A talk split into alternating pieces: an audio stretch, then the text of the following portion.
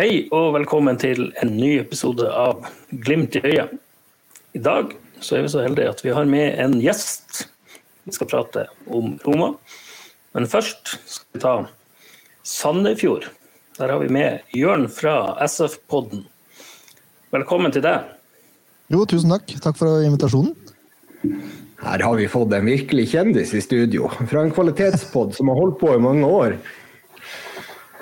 Ja, Kjendis vet jeg ikke, men eh, det, det er fra en pod som har holdt på i mange år. Det er riktig. Vi starta i 2015, så nå, nå, begynner det å komme seg.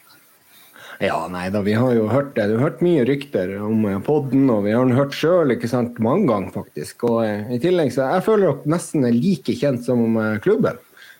Er riktig å si? nei, jeg håper ikke det er riktig. Det håper jeg ikke. Men det er jo hyggelig, hyggelig å bli nevnt i samme åndedrag. Det er det jo. ja, det er fantastisk. Ja, eh, vi har jo Øystein også med oss. Hvordan går det i Tromsø? Nei da, det, det, blåser og snør. Så det er alt som er normalt. Alt som er normalt, det er deilig. Og det gjør det faktisk også på Sjøholt, så, så vi er ikke så langt unna der. Men ja, vi skal spille mot Roma først, som Bjørn Einar sa, og så er det jo Sandefjord på søndag. Og vi kommer til å ta Sandefjord først i denne poden her, og så går vi over til Roma, som han sa. Så Sandefjord har jo åpna veldig bra, og vi har åpna kanskje litt mindre bra i forhold til forventningene. og Eh, det var Haugesund eh, hjemme, Jørn, fra eh, og, Nei, borte, faktisk. Borte, ja. Mm. En fantastisk førsteomgang. Har du en god følelse før, før oppgjøret i, i, mot Glimt? Jeg har en god følelse av den første omgangen. For det er noe av det bedre jeg har sett på en god stund. Men mot Glimt så blir det vel noe helt annet, vil jeg tro. Men eh, jeg, jeg, personlig er jo glad for at Glimt har Roma både før og etter. For Det kan jo tyde på at kanskje det blir noen spillere spart her. Og det, det er jeg positiv til. Veldig positivt innstilt til det. Ja, hva du tenker om det, Øystein eller Bjørn Einar? Hva dere tenker om? Tror du Knutsen blir å spare noen av de her faste? Eller skal vi kjøre på sånn som vi gjorde i fjor, med samme elver?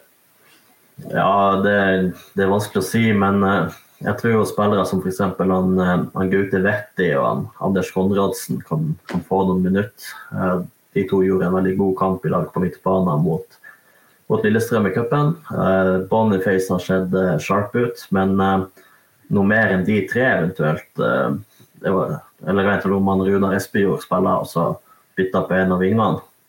Men det er jo Hva skjer med Ola Solbakken? Er han skada? Han ikke skada? Skal det opereres? Skal han ikke opereres? Det er jo det som er det store usikkerhetsmomentet inn mot eh, både Roma og Sandefjord, for min del. Ja, riktig det. Ja, det og, eh, altså, Ola Solbakken hadde jo heller ikke noen god kamp mot Rosenborg, så, så det er jo eh, Det er jo kanskje like greit at vi kanskje bytter litt der. At vi kanskje begynner å spille med eventuelt Sørli på høyrekant, som kom inn der etter hvert. Så, men kan, kan gå litt tilbake igjen til første serierunde. Um, du snakka om en god førsteomgang. Hva, hva som fungerte hos dere da, eh, Jørn? Hva var det som ikke fungerte? Altså det, det, var jo klasse, klasseangrepsfotball, eh, rett og slett. Det var 4-3 perfekt utført. Uh, og så plutselig hadde Alexander Ruud Tveter uh, skjønt at han må være mer inne i boks enn bare å hente ballen ned på egen halvdel. Og når han var der, så var han jo giftig som bare det. Og I tillegg så har de da fått Franklin Daddisboy Nyentue eh, i brukbar form, ser det ut som. Han hadde jo en assist og hadde et par skudd som var noe av det bedre jeg har sett han Altså Han gjorde mer riktig i denne kampen her enn han gjorde hele fjor til sammen. Så Hvis det fortsetter, den utviklinga her, så ser det jo veldig lovende ut. Men det var rett og slett det var god angrepsfotball av Sandefjord. Det var vel uten Harmet Singh òg. Han er jo kanskje den eneste stjerna i det laget her, da. I den grad man kan si han er en stjerne. Han er i hvert fall den desidert beste fotballspilleren uh, i Sandefjord.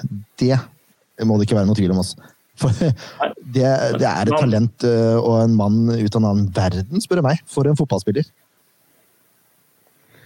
Ja, altså I tillegg Øystein, så eh, berga det jo litt av nedturen på fantasy-laget vårt, som Øystein satte opp. da. Tveter skåra tre, tre, mål. Ja? Og da ja. Vi har jo faktisk tippa Sandefjord relativt høyt på, på en tolvteplass i år. Um, så det, så det var, det var som forventa. mot et Haugesund som, som vi ikke har så store forhåpninger til. Ja, Ja, det er godt det var forventa for dere. Hva du sa Det var godt det var forventa av dere, for det, vi var veldig usikre etter eh, de to siste treningskampene. For da var det tynn suppe det Sandefjord presterte da, så det var noe helt annet enn i kampen her.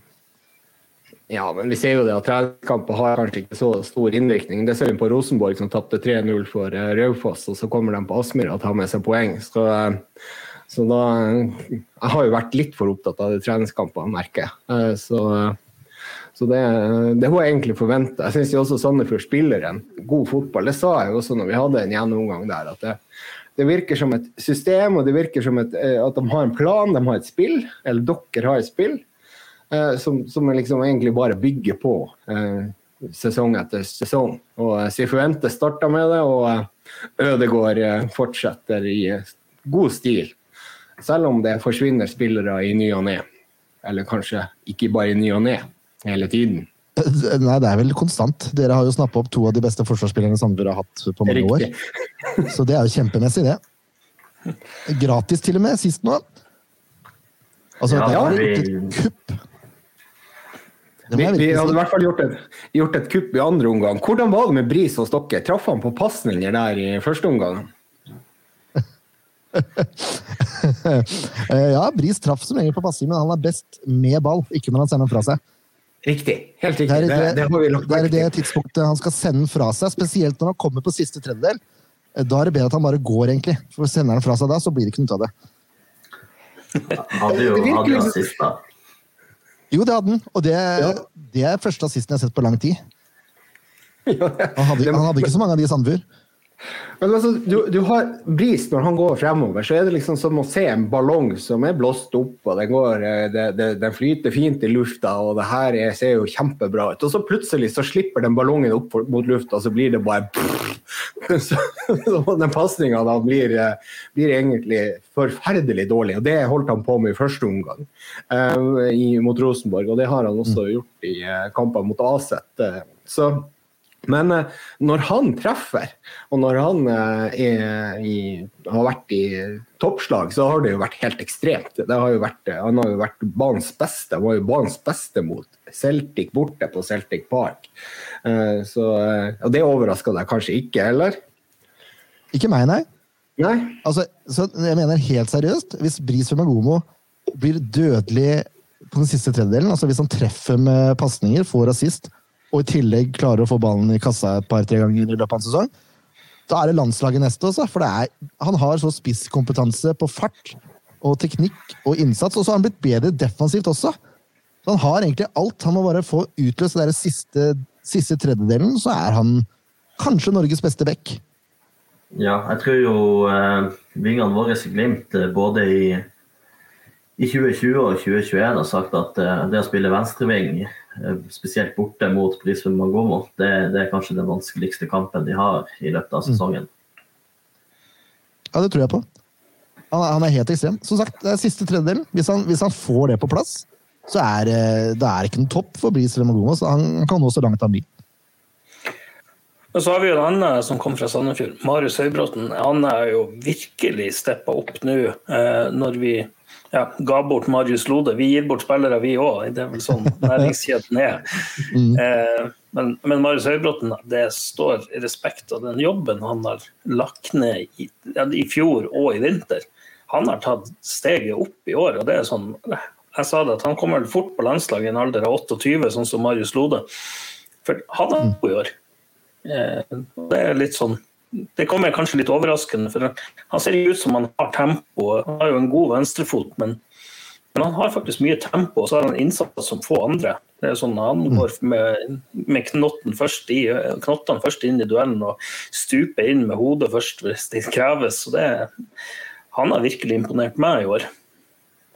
Ja, eh, både Bris og Marius var på toppen av vår børs, da. Eh, I hvert fall topp tre, tror jeg, før de gikk til Bodø-Glimt, begge to.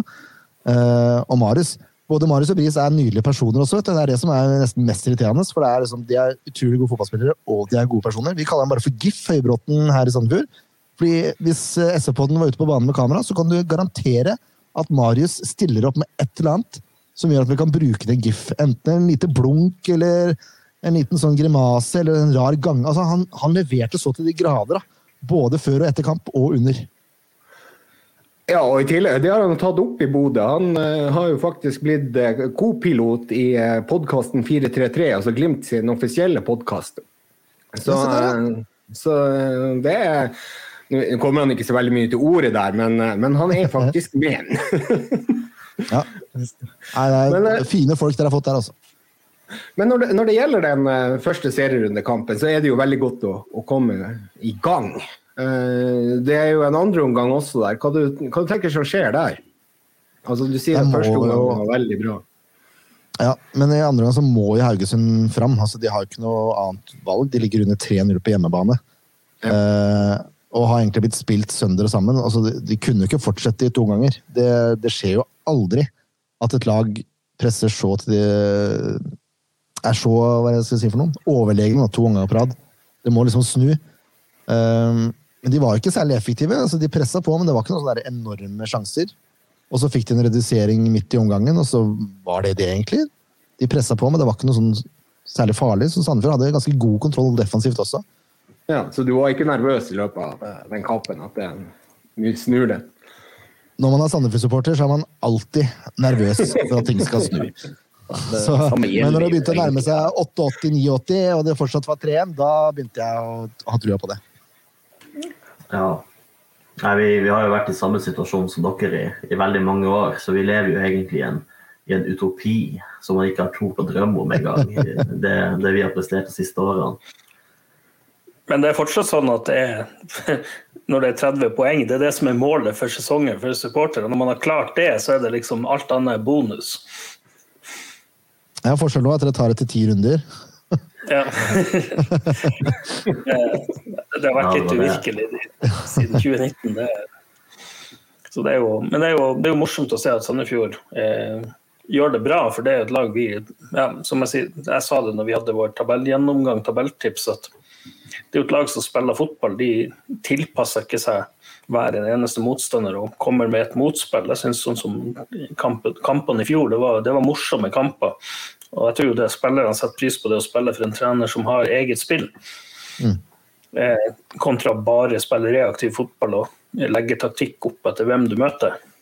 Som ja. en viss Vålerenga-trener gjør. Ja, ikke sant? Men jeg skal ja, si Rosenborg-trener òg. Mm. Ja, i hvert fall nå. ikke sant? Men det skal sies at både Siv Forventes og Ødegaard eh, ser på motstanderne og legger en viss taktikk opp imot det. Eh, jeg har ikke sett på så mye trening i år, men altså, Sifuentes er den mest profesjonelle mannen jeg har sett på et treningsfelt noen gang. Eh, og en av de mest hardtarbeidende også. De satt jo her halv åtte, fra halv åtte til halv åtte omtrent hver dag. Tolv timers arbeidsdager. Eh, og Ødegaard har liksom Og, Tekstrøm, det er jo to, sier de. har liksom videreført noe av det. altså De skal ha ballen i laget, det er viktig for dem, men de har blitt mer opptatt av å presse høyt og for raske overganger. Altså Det er fornorska det litt, da, kan man si. Mens vi forventes var mye mer tålmodig i spillestilen, så har Ødegaard og Tegstrøm hatt veldig stort fokus på at det skal være høyere aggressivitet og høy, gjenvinning høyere i banen og raskere mot mål. Mm. Så Det er liksom den største forskjellen. Ja. ja jeg ser jo liksom på statistikken, da, hvis vi tar mot Haugesund, så er det avslutningen på mål 5-8 til, til Sandefjord. Uh, avslutninger ut, utfor målet det er 11-7 uh, eh, til Haugesund. Så det har jo vært litt press da i andre omgang i forhold til det, men det, som du kanskje sier, så, så traff de ikke så godt med de sjansene. Nei, jeg var ikke sånn superbekymra, det var jeg ikke. Men de pressa godt på i andre omgang. Altså. Ja. Men de har jo mista noen spillere Haugesund også som skåra litt mål for dem i fjor, så det kan jo ha en innvirkning, de òg, selvfølgelig. Ja, ikke sant. Det er jo han eh, som gikk til Viking, og nå står du helt stille i pappahjernen her. Velde. Sandberg. Sandberg òg, ja. Mm. Og Velde. Og Velde. Mm. Eh, vil du si at Haugesund var, var ræva, eller eh, vil du si at dere var gode? I første omgang så gjorde Sandefjord Haugesund ræva. Ja. I andre omgang så, så la Sandefjord seg litt bakpå, slappe av litt, og Haugesund klarte å presse på, så da gjorde de det mer gode. Men eh, Haugesund skal ha for forsøket. Da. Det, altså, det var ikke, det var ikke en elendig annen omgang, men første omgang var helt katastrofe. Helt katastrofe. Og da tror jeg Sandefjord gjorde dem dårlig. Mer enn at de var dårlige sjøl. Ja. Ja. Jeg er litt interessert i, i hvordan du tror dere blir å spille mot eh, Glimt. Blir det den sedvanlige 4-3-3-en og hurtig framoverretta fotball, eller legger ikke rom til 5-3-2 og følger prinsippet til, til Rekdal vi så på, på søndag? Nei, nei, nei. Det er 4-3-3, ja. Men uh, man, man ligger nok i 4-5-1 store deler av kampen, for Bodø-Glimt kommer til å ha ballen mye, vil jeg tro. Uh, og da det er det naturlig at en 4-3-formasjon blir en 4-5-1. I hvert fall under Ødegaard og Tegstrøm, men eh, nei, Sandefjord skal ut og spille fotball, det er jeg helt sikker på. Ja, men vi kan vel egentlig forvente at dere skal kontre på oss eh, lynkjapt, som du sier. Eh, At det blir overganger til eh, med, med 100 i fart, for å si det sånn. Ja, men så har dere Vemagomo på bekken der, hvis han spiller. Og da er det klart, da hjelper det ikke å ha 100 fart, for da må du ha 150 hvis du skal rekke forbi før han er tilbake fra 16-meteren til motstanderen. Så Ja, Ja, jeg er spent på det. Utfordringa jo at vi, vi står jo høyt med bekkene, så det kan jo skape rom for dere. Ja, Daddy's Boy er ganske kjapp, da, skal sies. Så han, eh, han kan fort finne noe rom der. Men eh, om han spiller eller ikke, det vet jeg ikke. Det er jo fantastisk navn, da. Det må vi jo ta. Ja, det. Han må jo lykkes. Han må gjennom med det navnet der. Det er, Er, er han fra Oslo vest? Nei, nei, nei han er, fra, han er trønder. Eh, han kom som flyktning til Norge eh, da han var Å, nå må jeg holde tunga rett i munnen her. Vi hadde den på besøk. Eh, men da han var, da han var barn, så, så, så kom han til Trøndelag. Og grunnen til at han heter Daddy's Boy, det er at han heter egentlig noe annet på afrikansk, men eh, FN-representanten som tok det imot, skjønte ikke det. Så hun skrev bare ned Daddy's Boy, og så blei det det. Det er jo nydelig. Det er jo fantastisk. Ja, det er helt fantastisk. Og han har Så- mål om å bli topp tre i verden. Ja. Ja men det, Hvor gammel er han nå? Eh, Er han 20, da? 21, kanskje? Ja, men Da kan man bli topp tre i verden også, da. Vi, er jo, vi gleder Han har et stykke å gå, altså. Han har et stykke å gå. Det har han.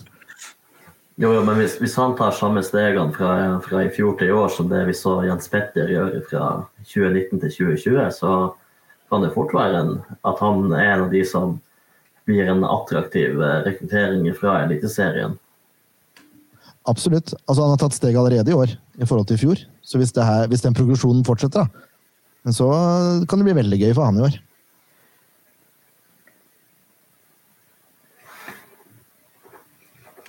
Det ble stilt der, gutta. Det må fire høyere. Nei, men eh, skal vi se.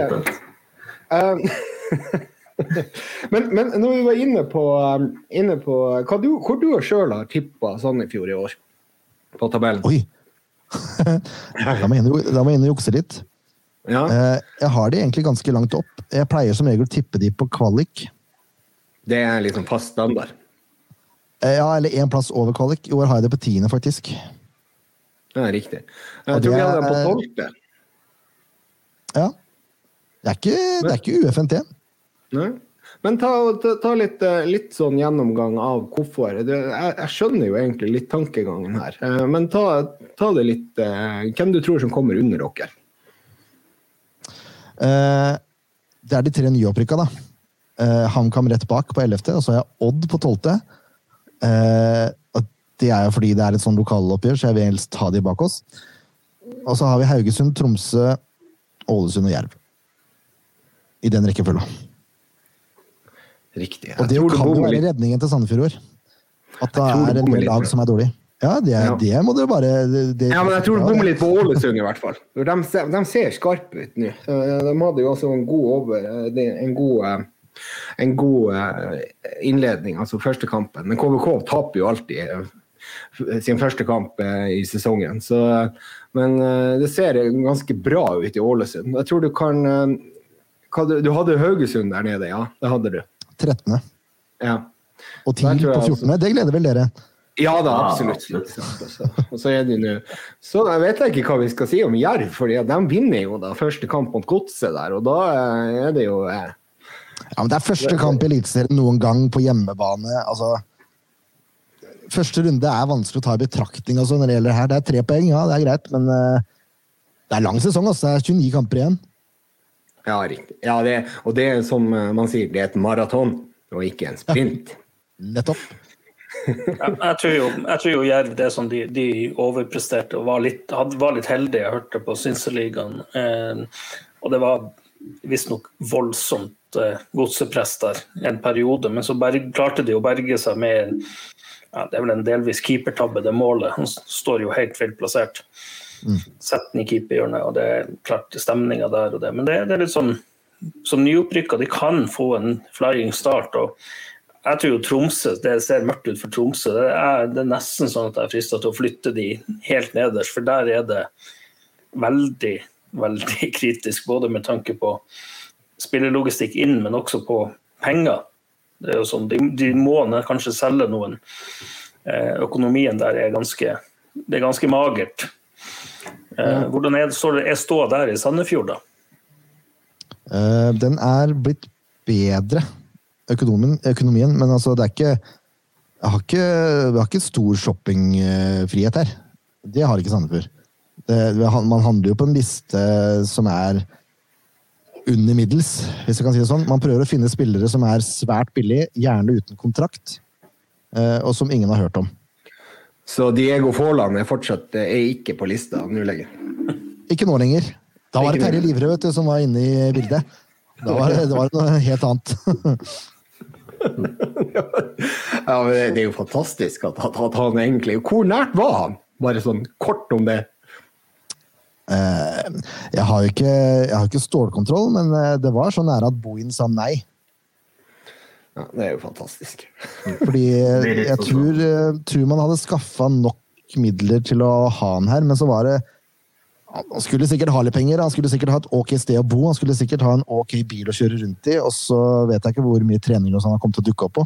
Men de endte jo opp med Grossmiller og Facundo Rodriguez da, fra Uruguay. Ja, ganske brukbare fotballspillere, det også, skal sies. Ja.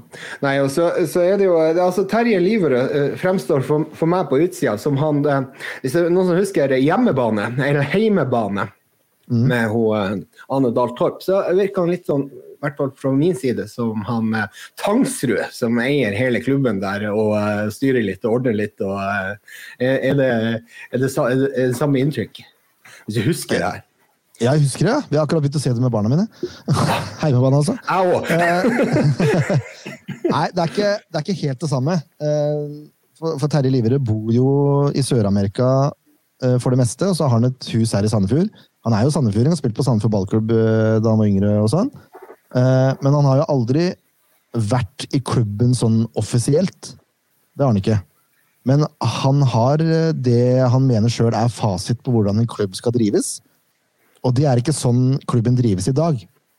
Jeg kan, jeg, kan, jeg kan, referere til en SF-pod, hvis det er lov. Hvor vi har ja, ja, ja, et, et, et, ganske langt intervju med Terje Liverød, hvor han uh, lirer av seg både det ene og det andre. Og som han står helt uh, fullt for. Som jeg kanskje ikke er enig Jeg er ikke enig i alt uh, som blir sagt der. Uh, og det ga jeg uttrykk for etter poden. Det var ikke Terje så fornøyd med, men det er en helt annen sak. du fikk han ikke tilbake igjen? Eh, jo, jeg kunne sikkert fått den tilbake igjen. Altså, vi, okay. vi, hadde noen korrespondanser der utover, og sånn. Det er ikke det. Eh, og Terje er en hyggelig fyr, han. Men han, har, han sitter med en fasit som jeg er usikker på fungerer i Norge. Og i hvert fall ikke i en liten klubb, for det er eh, Han har jo erfaring fra store tyske klubber og hvordan ting drives i Sør-Amerika. Altså, det er en helt annen fotballkultur eh, nedover der enn det er her. Og han var jo involvert i Lyn og Almeida og det hele, ikke sant. Eh, men det, altså, det hadde jo det hadde sikkert satt ting i spill her, for det hadde jo endevendt alt som er eh, i klubben. Hvis han hadde fått sjansen til å overta, da. Men han skulle ha enevelde. Og det tror jeg han skulle. Ja, ja Han skulle gjøre som han ville, fritt. Men han er ikke involvert i det hele tatt i dag, da? Nei, det er han ikke. Nei. Nei. Uh, så vidt jeg vet, da. Jeg vet ikke om det er noen kommunikasjon og sånn, uh, sånn høflighetsfraser og sånn, det vet jeg ikke. Men han er ikke, jeg tror ikke han er inne med noen sponsormidler eller noen ting. Men han mm. kjenner jo Øystein Spres Betalen godt. Som Ja, nå har kommet inn med litt eh, kronasjer fordi Sandefjord har eh, ekte gress, ikke plastikk. Ja, det så vi, jo. Stemmer det. Mm. Dere er Det fornøyd er med det gresset? Det er jo fantastiske nyheter for dere. Det, Ja, det er nydelig, det. Så, men hva, hva skal jeg kvart si? million. Kvart million. Og hvor, altså, det her gresset her, hvor, eh, hvor ofte er det muligheter for å trene på det? Har dere treningsfelt også, eller trener dere? Eh, ja, eh, som regel så er det dagen før kamp, ikke nå. Ikke, ikke i mars-april. Da er det vært lite. Men eh, man har en, eh, en bane på Sporty, som det heter. Det er eh, ti minutter unna, da. Sandefjord sentrum. Det ligger mot Larvik, liksom. Eh, som er, den er privatdrevet og ganske bra, og der eh, har de mesteparten av gresstrenene sine. Og så er det som regel på stadion dagen før kamp. Ja, riktig. Mm. Ja, for vi har jo gressbanen vår. Den ligger på hytta i Spania. Eh, Bodø-Glimt sin gressbane. Hytta i Spania, ja. Ja.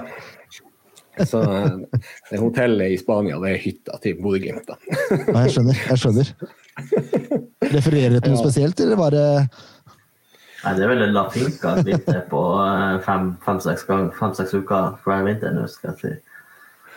Ja, de har, de har referert til, til hytta i Spania. Vi skal til hytta i Spania nå i, i, i, i uka, uka mellom eh, Hva det var? Mellom, før, før vi skulle spille mot uh, Alster. Alster. borte. Ja, da kom det hytta i Spania. Det er Nydelig. Ja, det er fint, altså. Men hvis vi ser på historiske oppgjør, så har ikke vi hatt eh, Glimt hatt noe sånn eh, Det er ikke favorittbanen vår.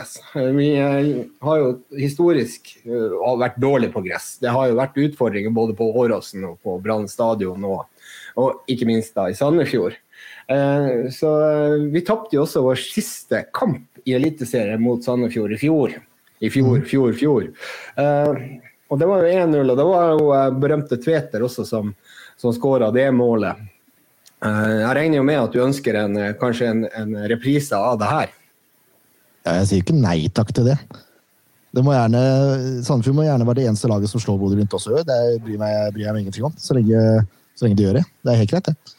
Har jeg ikke noe Ja, det kan, og det, det, det kan jo være ja, altså, Jeg tror jo kanskje at eh, det, det kommer til å være litt, litt, litt jevnere i år enn hva det har vært. eh. Ja, ja, det var nå eh, det var noen tap i fjor òg, men eh, i fjor så var jo kanskje Glimt litt sånn i dårlig form akkurat da. Vi hadde vel også eh, han godeste Lasse Nordås på venstrevingen, noe som ikke var en sånn særlig suksess. Stemmer ikke det, Øystein? Og, Ja, jeg, jeg, jeg er usikker på om det var, var Lasse eller om det var Sebastian Tonetki og Hugo på hver sin kant, men det var i hvert fall rett etter at både Ola og, og Sondre gikk ut med, med skader, altså Solbakken og, og Sørli. Nordås starta, ja. Nordås starta. Ja. Så, um, så det var jo egentlig altså Han hadde jo vært inne der, så skåra han et par mål mot Godset, var det vel. I hvert fall ett mål, og hadde et par målgivende. Eh, og, um, og gjorde det veldig bra. Så tenkte de det at ja, nå har vi funnet erstatteren til Solbakken på venstrevingen. Og, så- og så ble det liksom ikke sånn. Uh, men eh, Lasse er nå for så vidt en god spiss. Det må, vi kan ikke, kan ikke halshugge han for det, for han er ikke ving. Uh, så sånn er det. Men hva, hva, husker du mye av den kampen der? Der sleit vi jo med å komme igjennom. Det var jo Jeg husker det var en veldig godt gjennomført kamp. Jeg syns egentlig bortekampen også, Sandefjord spilte i Bodø, var ganske bra. Det var mer gjennomspilt enn det jeg hadde trodd på forhånd. Ja, Men, absolutt. Det eh, var Ja. Det, er, det, er, to spillende det er to spillende lag, da. Det, det er, ja, jeg syns det var overraskende jevnt, husker jeg begge kampene. Og jeg syns det var fortjent Sandefjord-seier på hjemmebane, og så var det kanskje fortjent Bodø-Glimt-seier eh, på bortebane for Sandefjord. Eh, Men alt i alt så var det to ganske gjenspilte kamper som kunne vippa liksom litt sånn begge veier. Så fikk vi et stikk hver. Det var greit, det. Ja, det var jo Den eh, bortekampen var jo en grusom kamp av Glimt. Eh, Det var som, de, de møtte veggen, rett og slett. Det var sånn, uansett hva de prøvde. For jeg var og så den på stadion, og det var frustrasjon uten like der blant de gule supporterne. Det var ingenting som kom igjennom, ingenting som funka, ingen dødballer som traff. Um, men så hadde det jo kommet, eh, jeg tror det var Patrick Berg sa i ettertid at vi kjørte knallharde treningsøkter for dagen før for å bygge seg opp formtoppen mot for, til den CL-kvaliken som gikk av skogen med nå for vi ikke hadde vinger. Så det var litt sånn de har vel lært av det. Men, men det var jo det siste tapet. Men det var en fryktelig kamp av Glimt. og det da var Det litt sånn, det var da liksom jeg fikk øynene opp for Brisveen Bangomo, fordi at han hadde jo full kontroll. Mm. Eh, han, han, kjørte jo opp og ned den høyresida, så jeg bruker jo spøke og si at Glimt har kanskje seriens to beste høyrebacker i Alfons Samsted ja. og Bris. Og så har vi ingen venstrebacker, så vi må bruke, bruke Bris der, da. Ja, men jeg, jeg, jeg enig i den, faktisk. Mm. Men, men, det er litt sånn altså, Ser man statistikken, så er det jo Glimt har jo et litt overtak. Det her blir vel 17. gangen vi møtes, og så har vi 8-4-4 i favør Glimt. Åtte seire, fire uavgjort og fire tap. Mm. Eh, så det er jo ikke Det er jo ikke Men eh, jeg tror jo ut ifra fjoråret så tror jeg det at det her er som Sandefjord hadde relativt grei kontroll på Glimt på hjemmebane. Så kom de opp på Aspmyra og spilte egentlig bra fotball. Overraskende, for da var Glimt begynt å komme i form igjen. Mm. Så ble jeg litt overraska over at eh, vi sleit også der med å ja, komme igjennom. Men da husker jeg irriterte meg over han det var vel han Kreuzrigel, men han er jo borte nå i år. Han er borte, ja. Ja, nei, altså, og så er det jo da gjengående resultater. Det er 1-1, 1-0, 2-1. 1-0, 1-1, 2-1 hele veien. Og så er det jo et par, et par som skiller seg ut der. Eh, Førstedivisjon 2012, altså Obos 2012, eller Adeccoligaen. Da. Eh, da er det 4-0 til Glimt på hjemmebane. Men resten er vel også det er en 3-1-seier til Sandefjord i 2015 i mm. Eliteserien, som skiller seg ut fra de resultatene her. Så Uh, vi kan nok forvente oss faktisk en jevn kamp på, uh, i Sandefjord. Ja, det kommer an på hva slags, kommer an på hva slags lag Glimt stiller med, da, tenker jeg. Ja, uh, og da, det var vi jo litt, inne, litt inne på i sted. Tror vi at vi kommer til å se Vetti på sentral midtbane? Hva dere tenker ja, jeg, jeg, tror Hagen står. Ja, det er... Ja, nei, jeg tror, jeg tror Vetti eh, får den kampen. Jeg tror, jeg tror kanskje vi gjør bytter på midtbanen. Altså Vetti og Konradsen kommer inn. Uh, da Anders Konradsen. Ja, Anders Konradsen. Morten Konradsen er vel Han skal vel opereres for Gilmore Groin, skal han ikke det? Han er tilbake igjen på trening, så Ok, da skal han kanskje ikke opereres, men uh, Jo da, han har operert òg. Det er jo maskin, vet du. Ja, ok. Ja, ja. Det er ikke godt jeg følger med. Det er ikke dårlig dekning i Tromsø. Men, uh, men jeg, jeg, tror det blir gjort noen noe eh, rulleringer. Jeg tror uh, Forsvaret kommer som vanlig. Bris og, og Alfons har, har fysikken til å stå de der tre kampene uten noe problem. De to i midten, hvis de er skadefrie, så spiller de. Så tror jeg det, det er indreløpere også på, på sentral midt at vi rullerer. Da er det Vetti og, og Konradsen tipper jeg som kommer inn for Hagen og Saltnes. Ja. Du, eh, hva du tenker da, Jørn? Nei, det, det, blir spennende. det tenker jeg. altså, hvordan, en annen ting som vi kanskje er litt opptatt av, det er jo det at dere har naturgress, som du har poengtert. og hvordan står det til på banen? Er det Det er noen flekker her som ikke er helt uh, 100, men det er relativt grønt. Det er det. Men, til, til våre lytteres opplysning så sitter han og kikker på den nå, så han eh, Ja, nå er det, mørkt, det, er dårlig med, det er dårlig med lys på stadion akkurat nå, men uh, jeg, jeg, tok en titt på den uh, idet jeg kom. Ja. Det, er noen, det, er noen, flekker, og så skal det spilles en kvinnelandskamp her på torsdag. Så jeg vet ikke om det har noen effekt. Men jeg tror ikke ja. det, er, det er ikke kriseforhold. Det er det ikke, altså. Nei, det er, det er fast og fint når du trør på den, da. Den er ikke løs. Det har jeg ikke sjekka, men nei, det skal være ganske greit, ja. Ja, du, når, eh, etter sendinga kan du sende en tweet i morgen så kan du si fast i fisken eller løs i Ja. ja men jeg måtte ta det etter landskampen, da, så ser jeg da. Kanskje på lørdag. Ja, det, det må du gjøre. Ja, ja, ja, så må du etter oss. ja, det er greit. Jeg skal prøve å huske det. men, det men det er litt interessant. Eh, vi har gått litt gjennom hvordan vi tror Glimt eh, stiller. Blir dere å gjøre noen endringer, tror du? Altså, skal en Harmet Singh inn? Eh, vi har også fått spørsmål fra en lytter hos oss, eh, Elisabeth B. Karlsen, om, om Keto etter hvert tar plassen til Storevik i mål, eller? Ja, det lurer jeg veldig på også. Eh, for å ta keeperen, keeperne først, da. Det var jo en litt sånn rar disposisjon, for de henter en finsk keeper som vant serien i fjor, og sto fast. Eh, har de henta en han som andrekeeper, så er det litt snodig, spør du meg. da. Eh, samtidig så har Storevik stått veldig bra for Sandefjord etter han begynte. Eh, har jo blitt straffeekspert på de to åra han har stått fast. Så, um, men jeg tror ikke de gjør noen endringer nå før Bodø-Glimt. Det tror jeg ikke. Men hvis Storevik får en liksom laber periode, så kan de fort bytte. Mm. Akkurat per dags dato så tror jeg Storevik er førstevalget, i hvert fall enn så lenge. Fram til han blir solgt, eller fram til han gjør en tabbe. Uh, Harmet Singh bør jo spille så mange kamper som mulig hvis Sandefjord skal ha en best mulig sjanse til å skaffe seg poeng.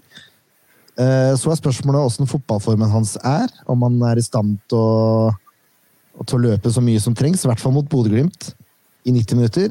Tviler på at han er kampfit til 90 minutter, det tror jeg ikke. Så er spørsmålet om man skal sette den innpå på slutten, eller om man skal starte med den. Uh, ja. Mm. Jeg holder det 60, så er forsvarer det kanskje en startplass. Men uh, noe under det, så må du kanskje på benken. Ja, fordi han fikk vel litt under 30 nå mot Haugesund. Kanskje var nærmere 20. Uh, så jeg er litt sånn usikker, men han er jo en veldig god fotballspiller. så det er klart, Skal man få det beste Sandefjord-laget på papiret, så bør jo Harmet Singh starte. Men hvis ikke han er fit nok, så er det Kurtovic som har den plassen. Og det er for så vidt greit, det. Mm. Jeg ser på, på VG Live så står det at Singh kom inn i det 76., så det er bare 14 minutter på han, faktisk. Ja. ja da spørs det om han har klart å, å bygge seg opp så mye kampform på en uke. Men det er, det er lov å håpe, da for oss sandefjordinger. Det er det jo. Ja, altså, og, og, og, det er jo også et, et klart tegn på at de eh, kanskje tester han ut. Og når du får et kvarter eh, i forrige seriekamp, så spiller du kanskje neste. Så, så eh, det er vel kanskje et berettiget håp. Ja, det, det kan det være. Samtidig så var det ingen som spilte seg ut av laget etter den Haugesund-kampen. Du har jo unge Nilsson som ble henta på lån før sesongen. Som spilte indreløper. Jeg tror han er 19 år. jeg. Ja, det er han. Og gjorde en fantastisk innsats eh, mot Haugesund. Eh, kanskje den som overraska meg mest. Eh, gror det jo. Ja, da gror det jo godt i Vestfold. Eh, altså, der, der, er jo litt sånn Hvis du ser på fotballinteressen i Vestfold, jeg skal bare spørre litt om det. Hvor, altså, der har du jo Eik Tønsberg, som hadde et storlag med Jahn Teigen og det opplegget på 80-tallet. Eh, mm. Eik Tønsberg er vel sånn å banne i kirka for din del, er det det? Er det eh. eller er det Odd som er liksom, det store hatoppgjøret, hvis du skal kalle det det? Ja, Eik Tønsberg har man ikke møtt på mange år, så det er liksom ikke Nei. noe Det er mer bredde enda. No, ikke noe disrespekt disrespect til Lars Grorud nå, men de, de, er liksom ikke på samme nivå ennå. Eh, det er jo FK Tønsberg som har vært en storsatsing av nabobyen de siste åra. Som ikke de har klart Riktig. å lykkes med det heller. Men nå har de vel slått seg sammen uh, uh, Eller Eik har vel slått seg sammen med noen andre breddeklubber for å prøve å satse litt nå. Men det er Odd som liksom er den store, stygge ulven i, i mine øyne. Det er de kampene som er verst å tape og best å vinne, på en måte. Absolutt.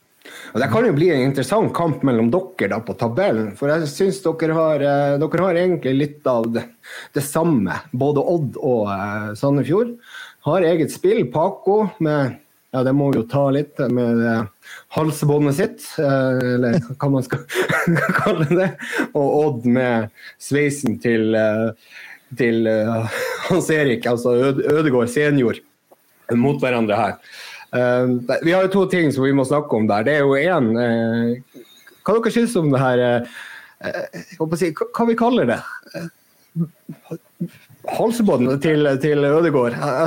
Nei, ikke Ødegård, men Paco. Boybandperler kaller jeg det. Ja. Nei, det er grusomt.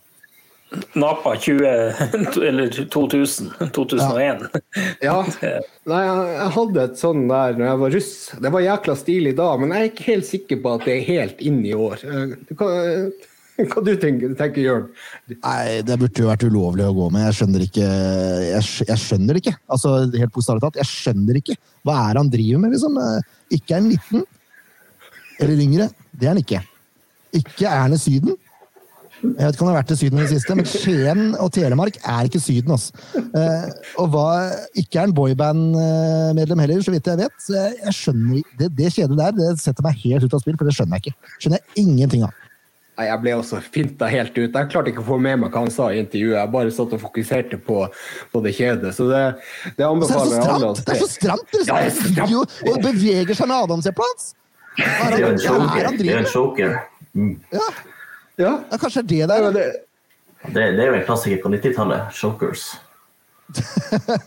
Men, men der, der er jeg jo litt sånn inne på Jeg sa jo det, Hans Erik sin, sin sveis. Eh, Jeg er jo klar over at han har hatt den helt siden han spilte fotball sjøl. Og jeg så bilder av han nå før podden, at han ligna jo veldig på Jan Egil Brekke når han var, når han var eh, spiller. Men nå begynner den hårsveisen å bli litt sånn hentete. Du henter den liksom eh, altså den, den, eh, den detter litt ned, og den blåser litt hit og dit. Hadde det ikke vært helt rått nå for Hans Erik å få skjeva av seg det håret, sett ut som en bad guy, kanskje fått et gullsmykke rundt halsen og, og, og, og, eh, vært litt solbrun. Han har vært på treningsleir i Aya- Aya- Ayanapa, for å si nei, i, i Spania. og så kunne han, eh, kunne han virkelig stått og skint der eh, med en liten liten barbering. Er, det, er, er det fy-fy i Sandefjord å snakke om det her? Eh, altså, Jeg vet ikke hvem du prater om, for det er ikke Hans Erik Ødegaard i der beskrivelsen du, du gir der. Ayanapa og solbrun. Altså, solbrun kan jo bli, det er ikke noe stress, men det er jo ikke Hans Erik Ødegaard. Hans Erik Ødegaard er en eh, fyr som har beina godt planta på jorda, og som er seg sjøl 100% som han sier. Det er ikke, det er ikke John Carew vi har på sidelinja der, hvis vi tar referansen til heimebane igjen. Eh, han, han er 100% ærlig i alt han gjør, og det gjelder både klesstil, skovalg, hårsveis. Altså, han er seg sjøl. Han er seg sjøl. Så vi skal, det vi skal ikke begynne å tulle med merkevaren Hans Erik Ødegaard? Nei, nei, nei, det hadde ikke vært altså, Han er ikke noen solbrun, skalla fyr med, med gullkjede. Han, han er en snill og tilbakelent fyr som eh, alle oss andre blir veldig hissig eh, når man er langs sidelinja eller på fotballbane. Og det er så deilig å se. Han er som en avbalansert fyr helt til han kommer på banen. Og der kanskje han ligner mer på en skalla fyr med, med halskjeder, men da har han sveisen sin da, som liksom utjevner det litt, og så er det greit. Og det må få lov til, tenker jeg. Ja, nei, det, det, det er jo eh, altså Når du forklarer det på den måten, skal jeg akseptere det. Det er, det er nydelig når du har en merkevare sånn som det er. Jeg, jeg føler jo også sjøl at jeg har litt sånn sympati med han. At han virker som en god mann. og eh, det gjør for, det, Til forskjell for andre trenere, som f.eks. Kjetil Rekdal og andre som, er, som ikke er akkurat i den gata. Ja, den er fin. Eh, Jeg var på treninga før Haugesund-kampen, og da, da var det dødballtrening. Og Jesper Toje bomma med 50 cm cirka på tverrleggeren, altså over mål. Da sa han Hans Erik stille og rolig, men målet er større i Haugesund, Jesper. Ta det helt med ro. Og det er sånn Ja, det er lunt og fint. Det er lunt og fint! Ja, hvordan vil du, det er litt sånn, for han, han er jo et relativt ubeskrevet blad for som på trenerfronten. Han gjør jo ikke så mye ut av seg. Han kan jo sammenlignes litt med vår trener der. Han er jo ikke den som oppsøker media, og eh, kanskje media ikke oppsøker han så mye heller, da, for å si det, si det pent. Men hvordan vil du beskrive Hans Erik Ødegaard som trener? Eh, hvordan er han som person? Hvordan, ja, hvordan får han de resultatene han har fått i Sandefjord? Eh, Jeg tror han er en veldig støttende fyr med fokus på, eh, på utvikling. Det er liksom der han ligger. Det ser du på sønnen hans også. Altså, han har jobba tett med Martin Ødegaard i mange mange år eh, på det tekniske. Og så er han Jeg tror han er mer kravstor og streng enn det han gir uttrykk for. Eh, han, har, han er ganske tydelig på det han er ute etter, han er ganske tydelig hvis ikke du gjør det du skal. Eh, jeg har vært heldig, eller heldig, heldig, jeg har passert meg strategisk under treningskampen i år. Sånn at jeg står ved sida av benken og hører på Hans Erik Ødegaard, og han banner jo ikke. Det er viktig å få med seg her. Så eh, uttrykk som fiskeri, for eksempel, blir brukt meget mye hvis noe går dårlig. Og da er han ikke nådig. Ikke Her har vi noe å lære, gutta. ja. Forbanna fjols og fiskeri, altså! Som kan stå og si på sida der. Eh, Men han har veldig tydelig i beskjedene sine. Eh, Og så kan jeg, Som person så er han jo veldig tilbakelent når du snakker med en utafor banen. Da er det stille rolig og Har ganske lun og tørr, fin humor. Men er fryktelig vanskelig å intervjue. For det er ikke noe, du får ikke noe gratis der. Da må du spa litt for å, for, for å få det du vil høre. I motsetning til Si forventes, hvor du kunne si tre ord, og så kom det en uh, liten tirade på tre-fire minutter. Så det er, det er to vidt forskjellige folk å snakke med, sånn sett. Jeg kan jo bare si det, Sifuentes han har jo gjort en virkelig, virkelig stort etter han forlot, eh, forlot Sandefjord. Det må, jo, det må, jo, være lov å si det. Det er jo, det er jo ikke noe tvil om at jeg tror Sandefjord hadde en egentlig for god trener for Norge, og det er jo kanskje litt av grunnen til at det ikke ble noen fornya kontrakt. Han ville vel egentlig være der, men han ville jo ha hele entorasjet sitt med. Ja, det har blitt fryktelig dyrt her. Uh, og som sagt, det er jo noe det altså, Sett utenfra, da, så er det jo he, altså 100 profesjonelt. da. Han har fem års utdannelse fra Johan Cruyff Akademi i Barcelona uh, og er så detaljstyrt og har så stålkontroll på alt som skjer. da. Både hva gjaldt ernæring og hvor de oppholdt seg, hva de gjorde altså, du, og, Sa du noe feil til Marti? så kan du være sikker på at da fikk du vite at det var feil. Enkelt og greit. Jeg kom et stikk til henne etter en kamp og spurte hva han var mest misfornøyd med, og så ga jeg tre eksempler, og da så han dumt meg, og så var han sur på meg tre uker fram i tid. Helt til jeg slo tunnel på en Sandefjords Blad-journalist som sto i intervjuet. Da fikk jeg et smil tilbake, og da var det greit. Da var vi kule igjen. Men altså, det, han, var, han, var, litt hårsår, kan jeg si det. Altså, Du tulla ikke med han så mye. Jeg tror Hans Erik Ødegaard er litt mer, eh, og Tegan for så vidt, er litt mer tolerante der. Selv om ikke de tar dritt, de heller.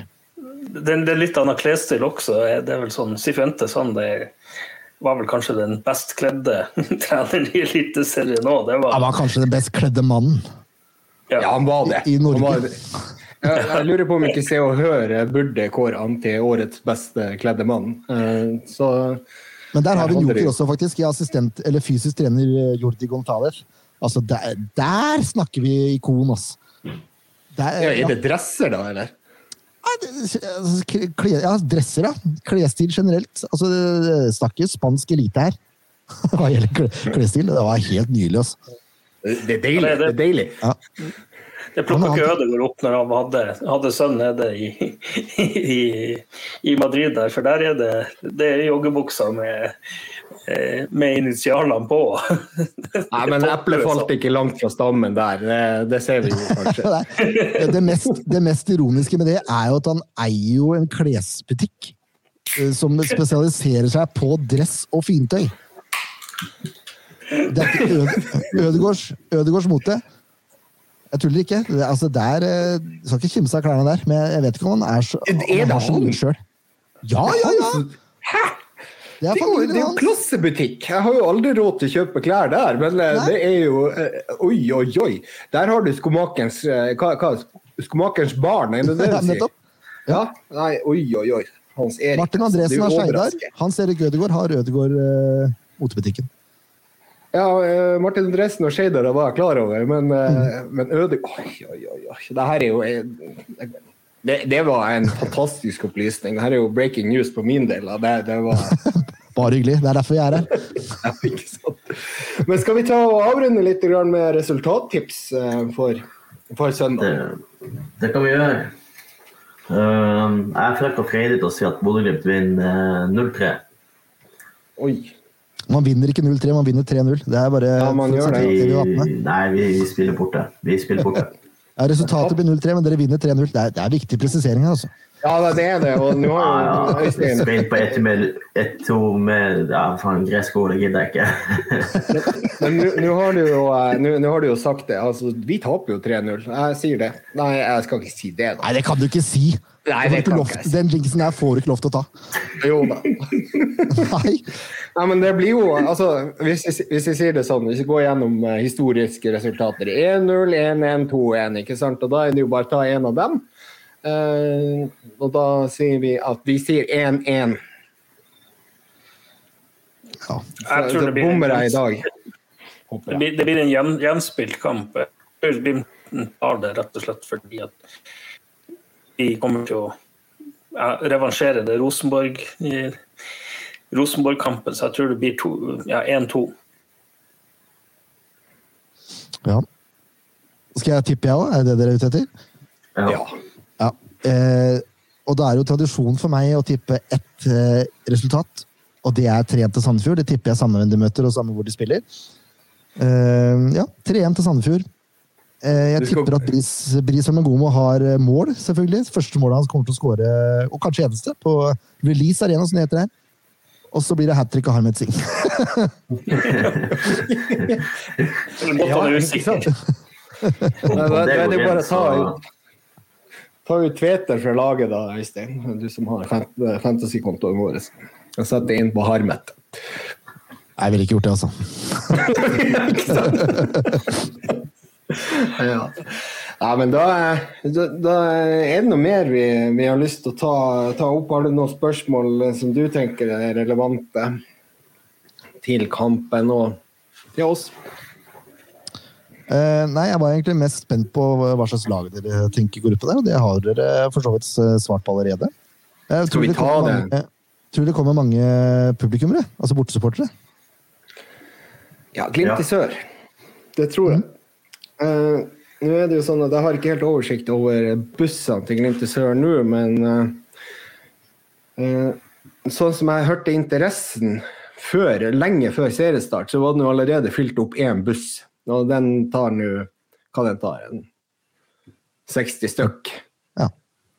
Uh, og eh, jeg regner jo med at det, det kommer til å det, det er Kanskje litt avhengig av også den kampen mot Roma, hvordan den går. Jeg vil, nei, det vil jeg ikke tro. Jeg tror de er sultefòra. Jeg, jeg tror vi snakker en eh, Ja, det kommer noen i privatbil, kommer noen med tog, kommer litt sånn eh, histen og pisten. Skal jeg tippe 400 bortesupportere? Ja, Det er spenstig, da. Ja. Mm.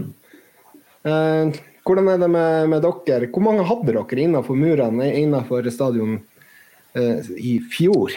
Nei, det var skuffende greier. Er Trenger vi å gå inn på det, egentlig? Nei. På publikumsstadion i Sandefjord? Ja, det, er, det er lavere greier, altså. Fortjener jo egentlig ikke det. Byen her er fortjener ikke eliteserielag. Hva sa du? Det, det er litt sånn problemet generelt i Norge, da, at eh, det sitter flere på pub og ser engelsk fotball enn det de som går og støtter sitt lokale lag. Ja, det er, det er helt krise, vet du. Jeg har jo så mye kompiser også som har større forhold til United og drittlaga der borte enn de har til Ja. byen, byens lag, så det er jo helt tullete. 1775 var gjennomsnittet i fjor. Men da var det litt sånn restriksjoner. I hvert fall når vi var der, da var det maks 2000. Jo da, men det, er, det, det har ikke vært så mye over 2000 etter det heller. Det var greit mot. Vålinga. Hva den stadion tar? Eh, er det litt over seks, da, tru? Eh, det var jo mer, og så reiv de jo eh, tribunene bak mål for å spare litt penger. Jeg Mm. tror det er litt over 6,5. 6,6 eller et eller annet sånt. Ja. Kan du ta en liten sånn greie fra Glimt? De tok jo og fjerna eh, litt eh, seter, og så satt de litt lenger fra hverandre. Så de eh, kjørte kapasiteten ned på Aspmyra når, når publikumsinteressen ikke var 8000. Eh, eller kan det være 7005, jeg tror det var det vi hadde. Og da var vi vel ned i 5002 når vi tok bort de setene. Nå måtte de jo inn igjen, da. Eh, så, eh, så det kan jo være et tips til, til Sandefjord at de kanskje tar og ser litt på avstanden mellom setene. Og da så det mye fullere ut på Aspmyra. Eh, eh, I hvert fall visuelt. Og da får du litt eh, mer, kanskje litt mer trøkk på det. Ja, kanskje. Ja, får se. 6582 det er kapasiteten. Mens rekorden er 8103. Så det er jo Ja, eh, elegant. Mot Det var mot Lyn i åpningskampen. Første kamp på stadion mot Lyn. Juli 2007. Riktig. Kari Arkivo skåra. Fantastisk. Ja. Nei, men eh, da er vi vel egentlig eh, klar der på, eh, på den, og eh, vi takker for at du kunne være med, Jørn. Det var Takk for innbydelsen, det var hyggelig. å diskutere litt. Så eh, får du ha lykke til med SF-podden, og så skal vi høre den, i hvert fall den episoden med Liverød, som, eh, som er en, eh, en leg legendarisk episode. I tillegg så vil jeg jo høre mer av din stemme, for du har så fantastisk god lyd. Jo, takk. Ja, vi, skal spille inn, vi spiller inn i morgen. Vi legger ut på torsdag, så da er det forberedelse til Bodø-Glimt-kampen. Så dere må jo bare lytte på den nå hvis dere vil. Ja. Så Det blir vi å gjøre. Ja, Ja. Yes. Lykke Nei, til til på søndag, karer. Tusen takk for det. Og torsdag først, kanskje. Ja, det, det er greit. Dere skal ha lykke til. Ja, Holder du forresten med Glimt der? Selvfølgelig. Norsk lag i Europa. Hold alltid med norsk lag i Europa. Ja, ja. Gøy. Hele Norges Glimt. Her har vi fått en ny venn. Ikke sånn som de her trønderne som er, er så bitter og sjalu. ja, det er nedrig, vet du. Det er nedrig. Ja. Nei, men da skal vi egentlig, Bjørn Einar, som du sa, skal vi snakke litt om romakampen før vi gir oss. Vi er på 55 minutter, så vi har jo egentlig litt tid igjen her. Ja, men ditt, Du er liksom tidsoptimist, så vi ender vel opp på 3 timer og 55 nå når vi skal snakke, Ja, ja. snakke om HC Mourinho. Om fruen går og legger seg, så er vi ferdig.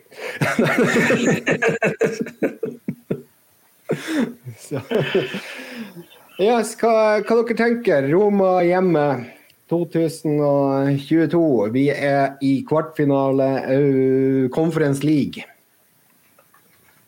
Ja. Nei, skal vi si 6-1?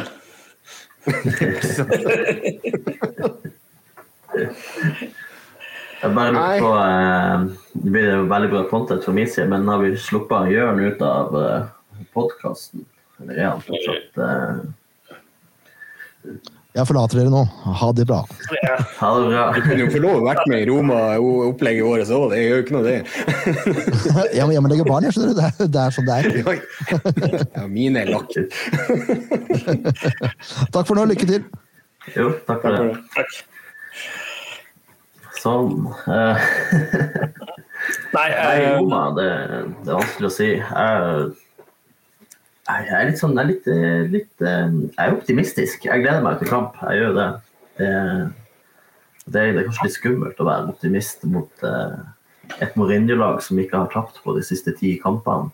Ja, men det hadde, det hadde ikke Celtic eller Alkmaar heller gjort, hvis du skal ta det på den positive sida. De hadde jo enda lengre seiersrekker. det hadde det, og det, det er litt sånn eh, Ja, det skrives mye om at Mourinho har mye og han skal revansjere. Men samtidig, det er sånn Det har jaggu meg Glimt også etter den Rosenborg-kampen. Vi, vi må opp noen hakk. Eh, Vi får nok ikke et 6-1-resultat, for Mourinho kommer til å stille mer forberedt. Vi får nok taktiker Mourinho Vi får nok terga han frem her. Lokka han frem. Men eh, siste værrapportene fra Bodø, er det noen som har sett det? Ja, er ikke det en eh, to-tre grader eh, regn og vind? Er ikke det som er Er det standard? Nei, det er faktisk meldt eh, utpå kvelden der. Fire grader. Og, og nei, det skal synke til én grad klokka åtte på kvelden. Det blir nullføre. Nullføre på Aspmyra. Dette er værmeldingen. Ja, Dette er værmeldingen. Men- Skal jeg ta- skal jeg ta- det, det, det, er greit nok at Mourinho har noe å revansjere denne gangen, men det hadde han faen meg på Stadion Olympico også i fjor høst. Altså Og det ble 2-2. Det det er ikke sikkert at vi, får, at vi blir trilla ball i hatt med, for å si det sånn. Jeg tror, jeg, tror, jeg er positiv. Jeg, jeg tror, jeg tror faen meg vi vinner på torsdag. Ja, nei, altså jeg sitter jo enda i en dyp grop etter den 2-2-greia uh, mot Rosenborg. Så jeg klarer egentlig ikke Jeg må ha noen dager til på å komme meg på at det her skal bli bra. Så uh, i, dag så sitter jeg og er tippa 1-1 mot Sandefjord, ikke sant? Og så, og så er det jo litt sånn. Uh, men altså, Glimt har jo hatt litt eh, trøbbel med det her med at de har eh, ikke kommet helt i gang etter pausen. Eh, og det har de jo hatt nå. Og eh, nå er første kampen mot Rosenborg kom ikke i gang. Og så er det jo spørsmål kamp nummer to etter en pause. Hvordan går det da? Kjempebra. Eh. Nå er jeg beina i var. Motoren er prima. Motoren er prima. Det er full av startgass. Det er bare å vri om tenninga, så går vi ut der. Toget fra Bodø bare svalser over Roma. Ja, og jeg Det- tror det er også viktig at Solbakken spiller den kampen her. Jo, jo, men, men, men, det, men det som er fordelen med at uh, det ikke var TV-bilder fra Aspmyra, vet du hva det er? Mourinho vet ikke hvordan han skal møte Glimt. Vi er inkognito.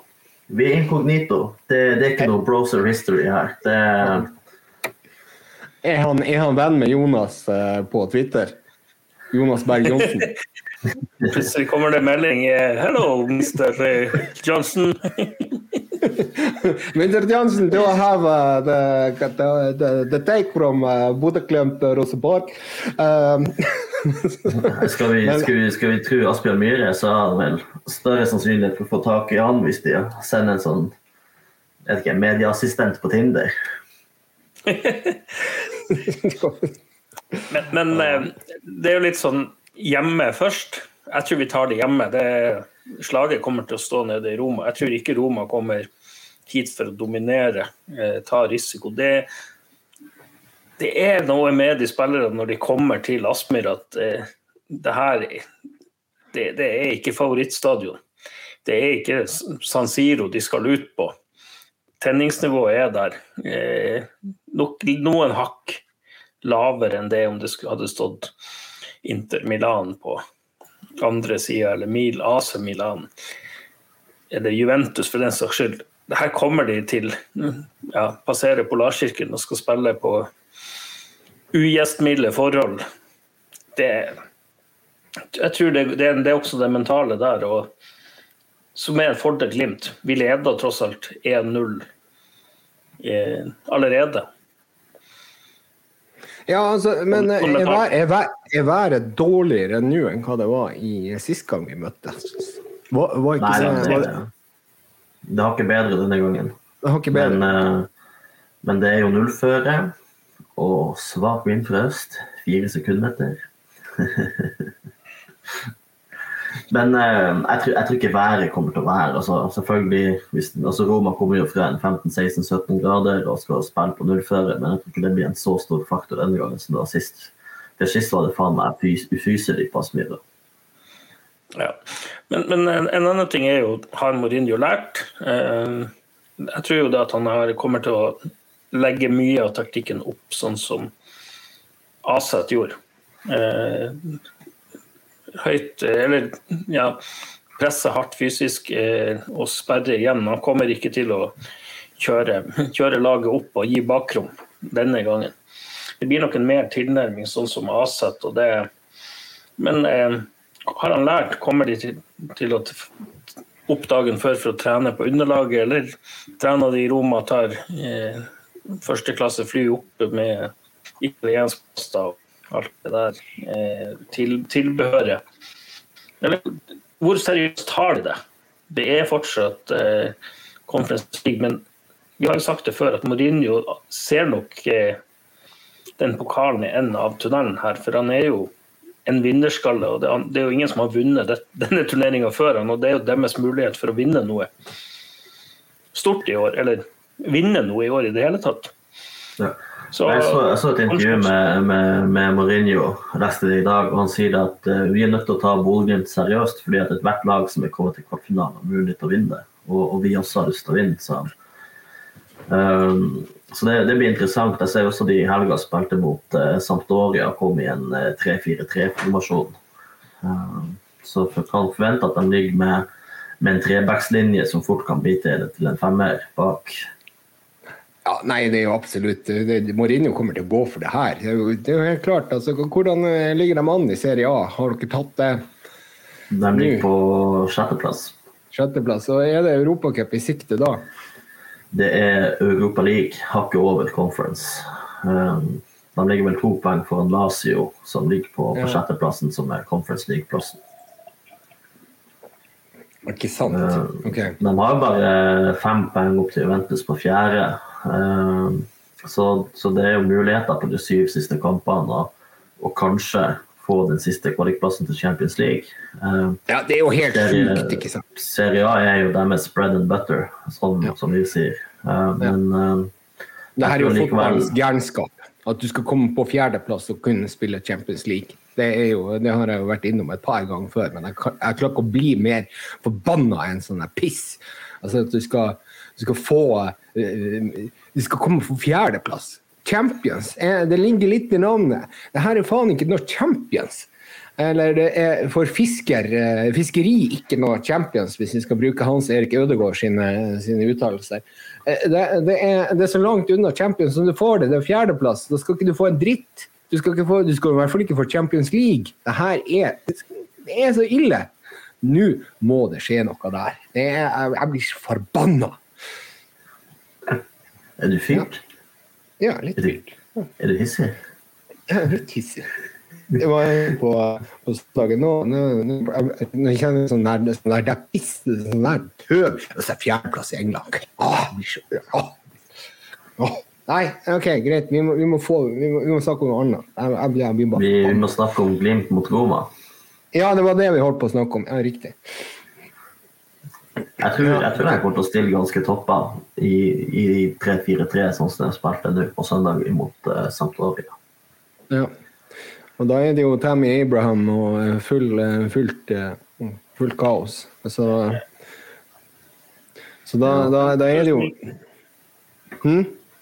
Ja, hvor hvor godt var det laget? Skal vi se, Jeg har ikke sett det. for dette, Jeg blar opp her nå. liksom. Italiensk fotball er langt utover min interesse. Ja, nei, de, de spilte jo på søndag med Rui Patricio i mål.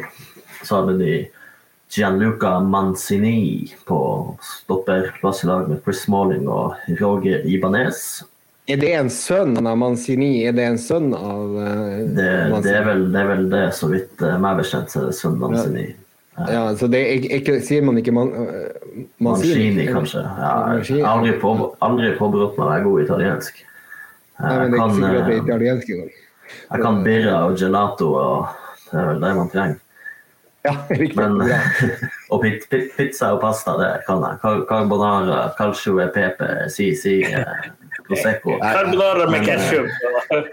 Carbonara med ketchup og pizza grandiosa, por favor.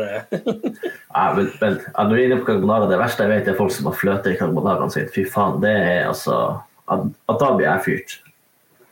Det. Ja, men eh, du, eh, var det her kokkepodden, eller var det den der Nei, det, det, det, vi, vi sklei ut. Men eh, det, Nei, det, det syns jeg er bra. Jeg synes det er bra. jeg, jeg, jeg er glad å skli ut. Vi er et lavterskeltilbud. Vi er glade amatører, fotballsupportere. Vi snakker om det som opptar oss.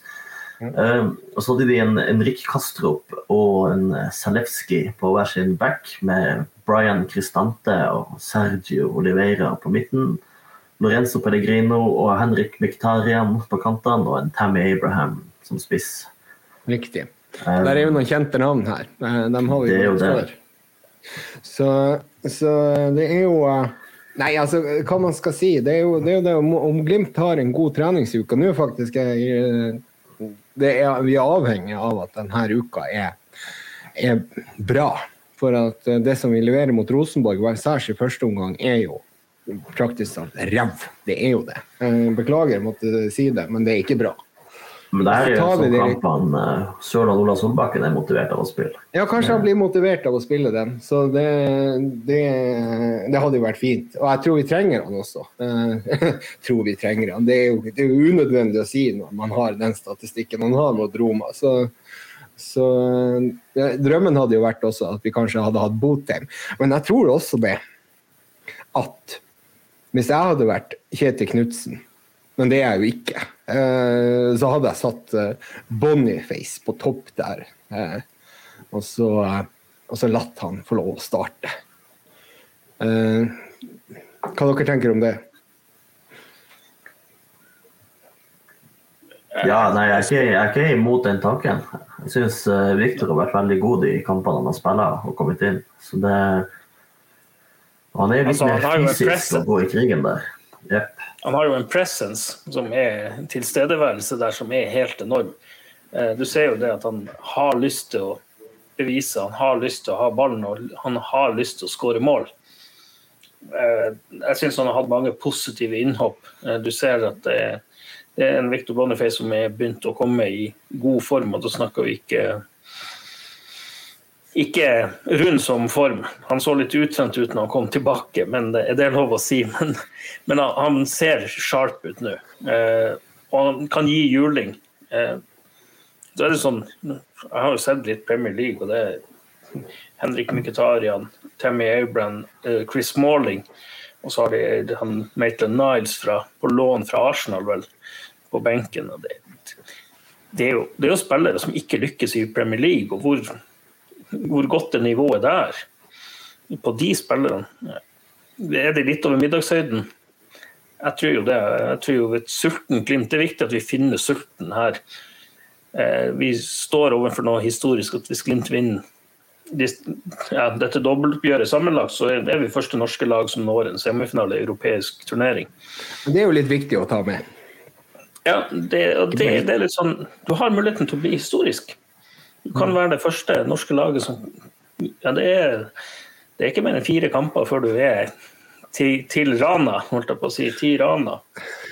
Nå snakker du inn godfølelsen i kroppen min, Bjørn Einar. Altså, kan du bare fortsette sånn, og så kan jeg bare sitte her og så kjenne det at, at eh, den der helvetes dritfølelsen, eller fiskerens, fiskeriets uh, dritfølelse, uh, forsvinner ut fra kroppen min og bare, bare, knuses på en stein i en elv. fordi at her, denne følelsen etter den Rosenborg-kampen, den er grusom! Den er Grusom!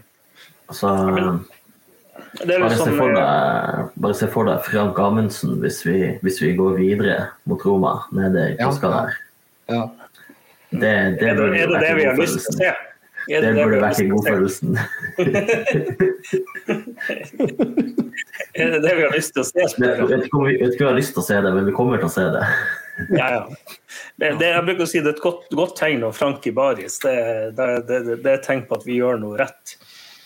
Men, ja, ja, altså Frankie Baris er jo, er jo, et tegn på, på, på, Ja, nei, men OK, greit. Ta, kjør på. Kjør på. Mer godfølelse nå, Bjørn Einar. Mer godfølelse. Gi meg den. Gi meg den! Første omgang, omgangen mot Rosenborg er jo katastrofal. og Vi blir nok tatt litt på senga av intensiteten til Rosenborg. Jeg skal si at Rosenborg gjør det de er gode på. Kjetil Rekdal er god på. Destruktiv fotball. Mo Mourinho. Det er Mourinho. eh, Rekdal Injo. Det er litt av samme ulla. Eh, så er det sånn, Jeg satt med litt av den samme følelsen når Rosenborg skåra. Vi kommer til å skåre. Jeg har fortsatt den følelsen, og vi gjorde jo det. Jeg har samme følelse mot Roma. Vi kommer til å skåre. Det er viktig her å holde tett bak. Og det tror jeg blir nøkkelen for å gå videre. Det er liksom å tette igjen bak. Være litt kynisk og vise at vi er bedre trent enn Roma, til tross for at de begynner å nærme seg slutten av en lang sesong. Så tror jeg vi tar innsats. Det, er, det er min følelse. Men akkurat det her på slutten av en lang sesong, er det en fordel? Er de i sin beste form nå, Roma, eller er de nå begynt å få litt sånn altså, de, Vi har jo vunnet ti kamper på rad, så de er jo åpenbart kommet i en god, uh, god sti. Men er det litt sånn, sånn at du er litt sluttkjørt på slutten, eller er du hakket bedre. Øystein? Nei, altså, De har jo ikke vunnet ti på rad. De er ti siste uten tap. Ja, okay, de har jo bare På de fem siste har de spilt 1-1 mot Udinese og 1-1 mot Vitesse. Men de har jo også slått Lazio 3-0. Det, det, er en sterk seier. Men uh, ja, det, det, altså, det, er vanskelig å si. Det er vanskelig å lese noe særlig ut av den serietabellen og hva vi kan forvente oss. Men uh, jeg ser jo bl.a. at en El Sharawi ikke spilte sist kamp nå i helga. Det er han sparer for å stå og spille både borte og hjemme mot Glimt. Ja. ja. Jeg så også at uh, Michael Niles spiller heller ikke. Han er vel han er vel litt sånn evig talent. Han er nå 24 år. Vært i Arsenal hele tida. Vært litt utlånt til Ipswich og West Brom før han nå er på utlån til Roma. Så det, det sånn, Han har jo ikke han har jo slått gjennom 24 år sånn på, i Premier League, så å sitte på benken der, det er kanskje en sånn joker Mourinho skal dra opp av hatten sammen med El Sharawi. Men eh, sånn som Chris Chris Morling, en 32 år gammel stopper som eh, Mourinho avskilte han vel gjerne i United. Så dukka han plutselig opp med ja, José Mourinho, nå ble det spansk, men det dukka han opp på treningsfeltet der igjen. Eh, jeg blir ikke skremt av lagoppstillingen av enkeltspillerne til Roma. Roma er et bra lag som spiller i en mer kompetitiv liga enn det norske. Men som sagt, jeg tror dette er et lag Glimt kan hamle opp med. Jeg tror eh, Aset hadde slått Roma over to oppgjør. Ja, det, det er jeg overbevist om. Jeg, er overbevist over det. Altså, Aset var et uh, veldig godt lag. Jeg tror det er det beste laget vi har møtt egentlig i uh, det her Europacup. Eller uh, det er det beste laget vi har møtt i det Europacup-spelet som, har, eh, som har foregått i det siste året. Så jeg er jækla glad for at vi gikk videre. og ja, men altså, snart, dere bygger meg opp. Det, det er veldig bra, det her. Tusen takk, Bjørn Einar, at du, at du gjør det her. Øystein, nå bare fortsetter du å, å, å si de gode tingene, sånn at vi som er vanlige eh, supportere, ikke ekte, men vanlige, eh, får, eh, får en god følelse nå. Ja, nei, jeg har jo en våt drøm om bakrom på Aspmyra. Perfekt slikker ifra egen midtbane. Se for deg Wemmangomo dra av Pellegrino, spille inn sentralt til Elias Hagen, vende opp og slår videre diagonal på Ola Solbakken, som løper fort som bare faen ned mot hjørneflagget. Vende opp, drar av Ivanes, legger inn. Og hvem møter ballen på første stolpe? Jo, det er Gunnar. Jeg holdt på å si Runar Espejord. Den fort... Se det- Se det for deg, se det for deg, se det for Jeg ser deg! det, jeg ser det for deg. Ah. Å, det er så deilig. Nei, men det er deilig. Og så, og så begynner jo da, da tar Frank av seg klærne sine, og så begynner hele Aspmyra å synge.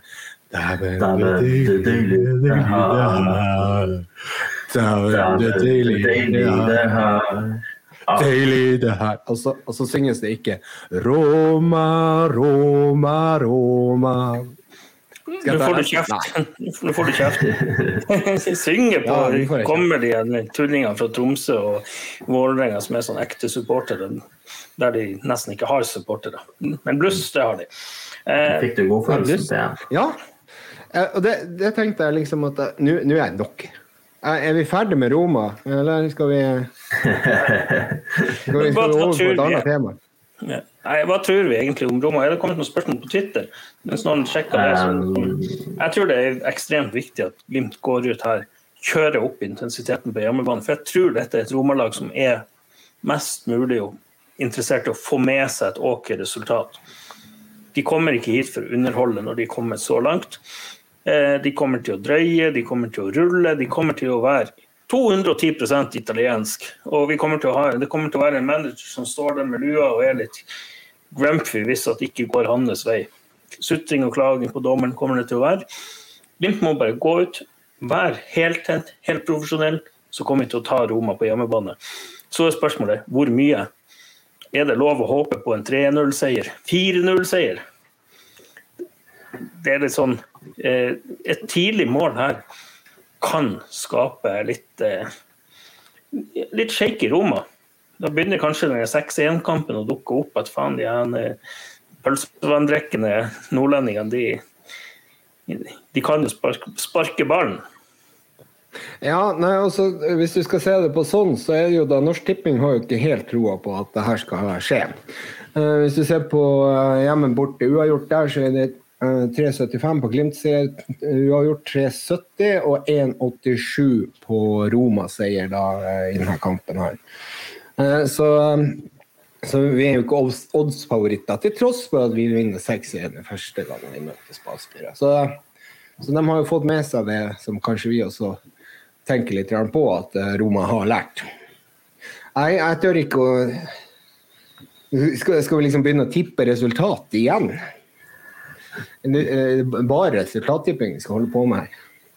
Nei da, men eh, Men vi, vi, har, vi har vært litt inne på det både mot eh, inngangen opp mot Sandefjord, og så nå også Roma.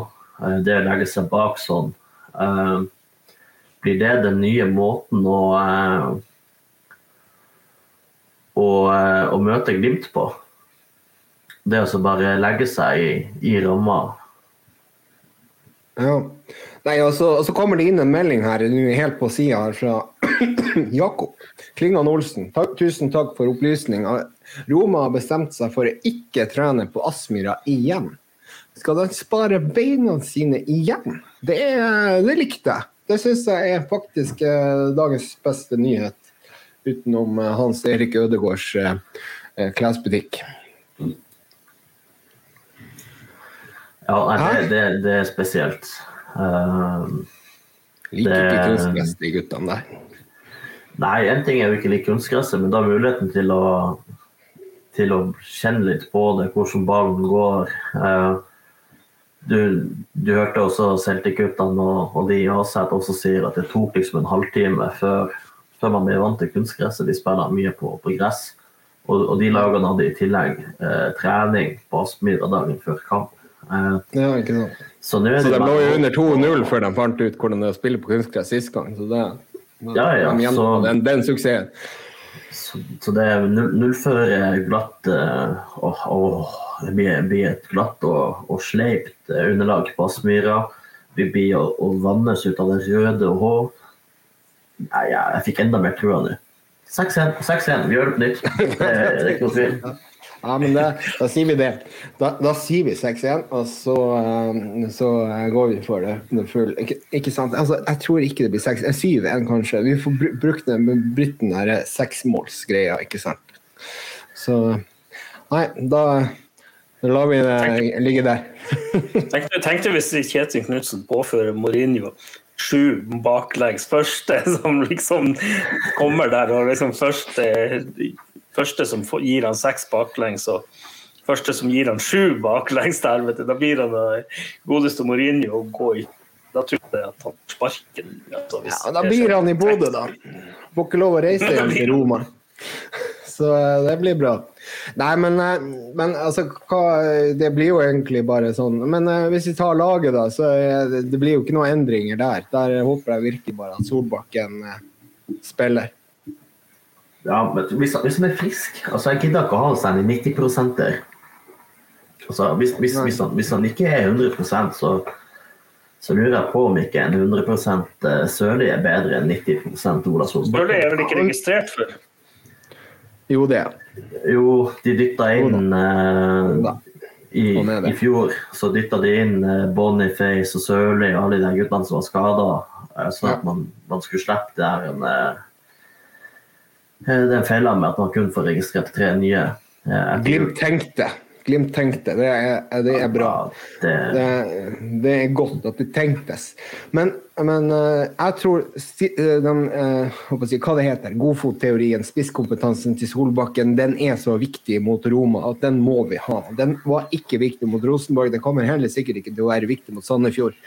Men eh, mot Roma så er den utrolig viktig, spesielt på et vått kunstgress. Der kan vi kanskje få en overgang som sist. Så det er, det er kanskje den kampen som Solbakken skal spille, og resten trenger han egentlig ikke å, Altså, der kan vi faktisk bruke Sørli. Om han ikke spiller mot Sandefjord, så tror jeg ikke det er eh, så viktig. Men at han skal spille mot Roma, det er utrolig viktig.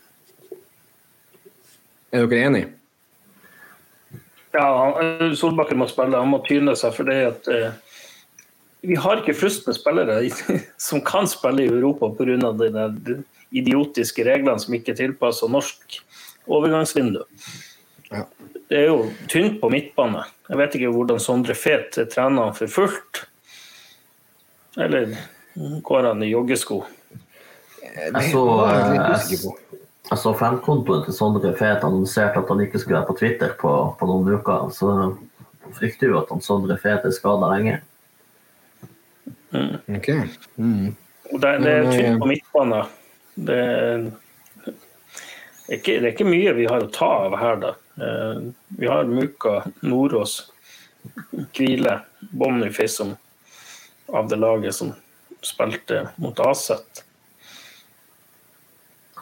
Altså Det kan hende at jeg, at jeg svartmaler. Jeg kan godt hende at han bare er, er lei av å at det ikke er noe konstruktivt på, på Twitter lenger. Men, men den kontoen har ikke akkurat vært så opptatt av å være konstruktiv alltid. Så det hender hende at Glimt-interessen ikke er der. At det kun er sambygdingen Sondre Fet som er interessant.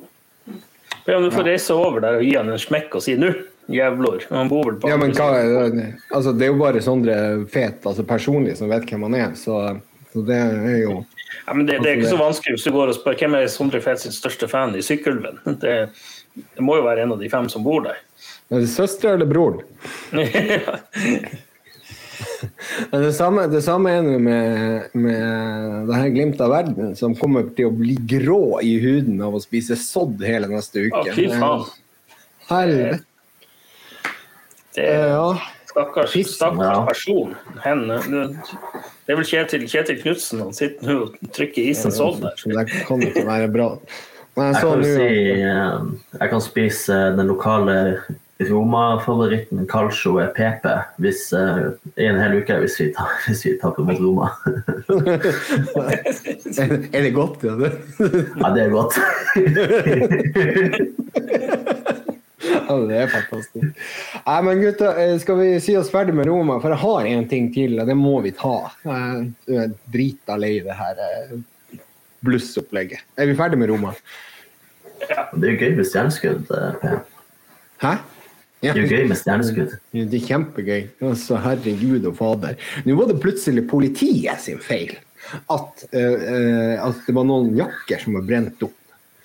Hva, hva, er det de egentlig holder på med? Altså, er, altså, det er det er 1600 grader i de plussene der. De står så tett som hagl, og så fyrer de opp og veiver med dem andre alle veier. I tillegg så klarer de farsken med å brenne opp gresset, så det må rettes opp. altså Det må faktisk gjøres en innsats på matta på Aspmyra før torsdagen, som kommer til å koste mange penger. Eh, og nå begynner det å ta helt av med de her eh, såkalte ekte supportere. Jeg, jeg, jeg er så møkkelei. Hva faen er det? Er det bare bluss som, som, som er viktig her? Er det ikke viktig med fotball lenger? Er, er det jeg, bare, jeg bare mister det helt. Det er liksom Nei. hva, er, er, hva, hva, hva, er det som går gjennom hodet på deg? Ja, jeg, klarte ikke å rente ordentlig, men jeg skulle, jeg skulle egentlig ha planlagt det bedre. Men det, det, det, her er, det, her er, det her er fy. Det er ikke politiet sin feil at du setter fyr på jakka til kompisen din. Må du faen skjerpe deg. Ja, altså, det er jo litt sånn, Jeg tror jo ikke det er noen her i poden som i utgangspunktet er 100% imot bluss. Men nå syns jeg det liksom begynner å bli barnslig. og Jeg så han der markedssjefen til Vålerenga liksom kom ut med noe sånn usakligheter. Sett dere nå inn i saken og se hva det er som har skjedd. Det er en del ting som, som foregår bak kulissene. Det er en del folk som er utestengt eh, av ulike grunner. Jeg har ikke nok kunnskap til å uttale meg om det, men det er litt sånn eh, Hvis ikke de har lyst til å stå frem med navn og fortelle sin historie, så er det sånn OK, da, da kan man jo si det at det er det mest sannsynlig legitime grunner til at du er utestengt. Det er litt sånn, hvis du skal, absolutt skal blusse, så må du jo sørge for at det er under ordna forhold. Det kan være et viktig stemningsmoment eh, ved rette anledninger, men ikke hele kampen. Ah, Rosenborg skårer, da skal vi fyre på 200 bluss. Ja, Det er greit det er lenge siden Rosenborg har skåra, for det er jaggu meg lenge siden. Og at dere feirer en uavgjort som at dere er blitt cupmestere. Men det er jo helt latterlig det opplegget at ja, bluss for enhver pris. Du kommer på stadion, da er du faktisk gjest. Jeg går ikke inn til naboen. Han er for, for øvrig politi, det er stort sett alle de jeg bor med eller i gata her jeg bor.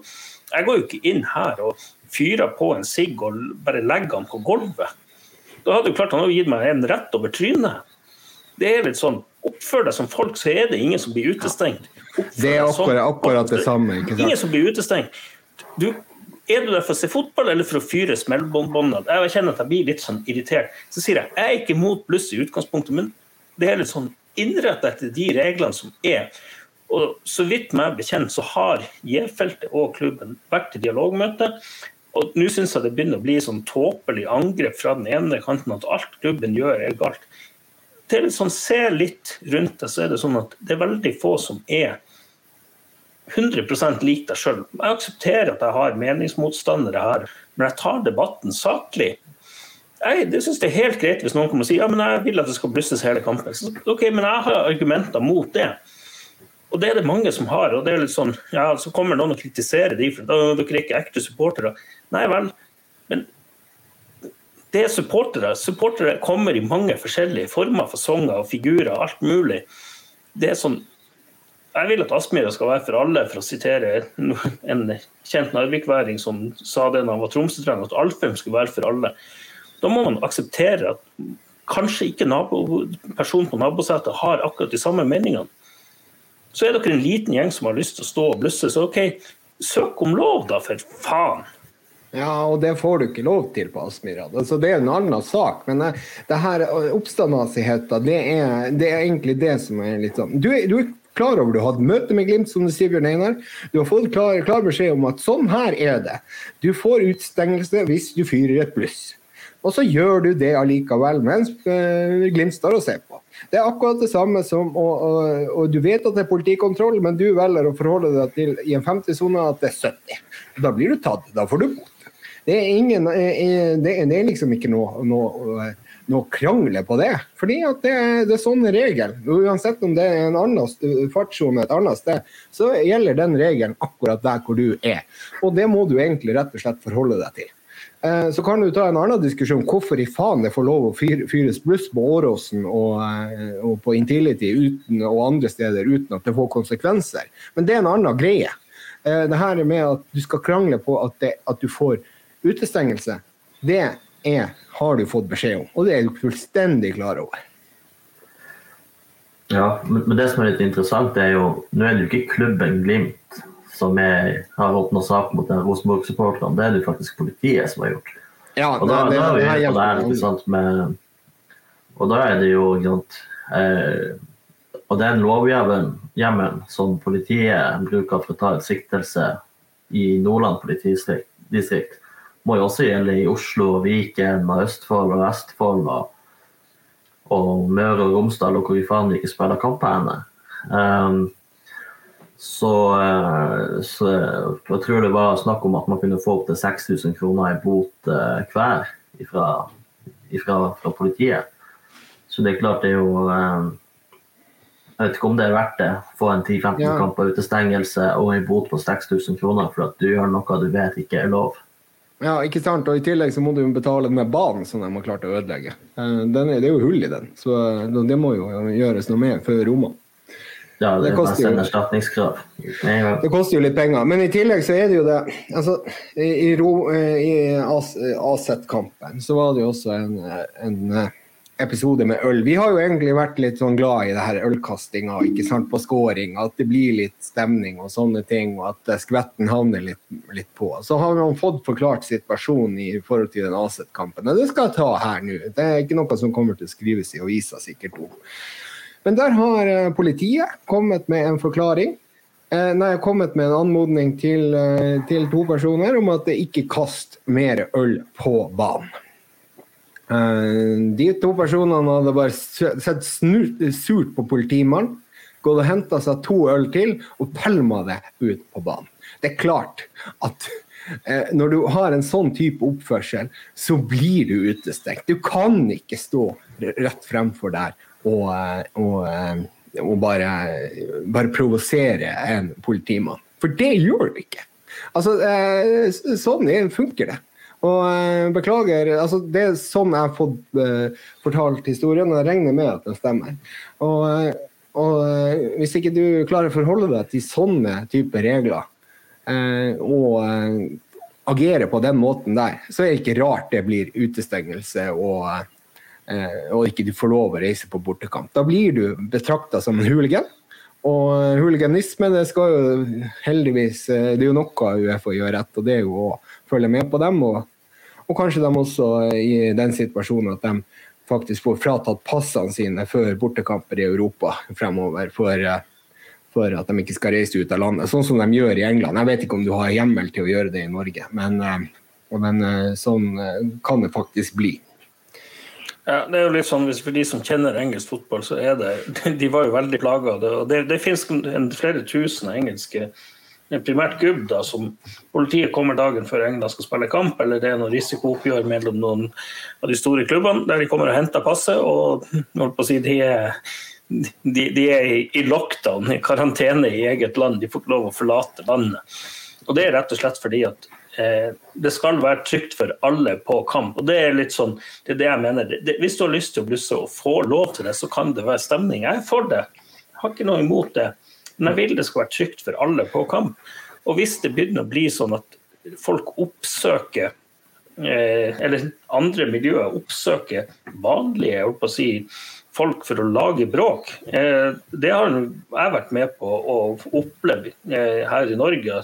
Senest på en bortekamp mot Brann, der det var en som kom rett og slett for å lage kvalm.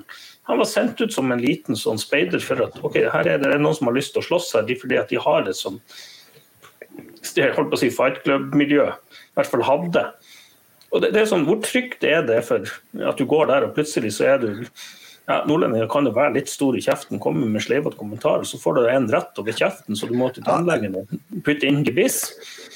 Eh, det der var jo på, på det der opp, eh, utestedet oppe for, på Trollgamlingen. Galmenningen, ikke det det Du var på Riks. fis, fisketorget. Og der kom han faktisk bort til meg, og så fikk han, han var en bitte liten eh, fyr, så han pikka meg liksom i sida på magen og spurte om jeg hadde lyst til å slåss.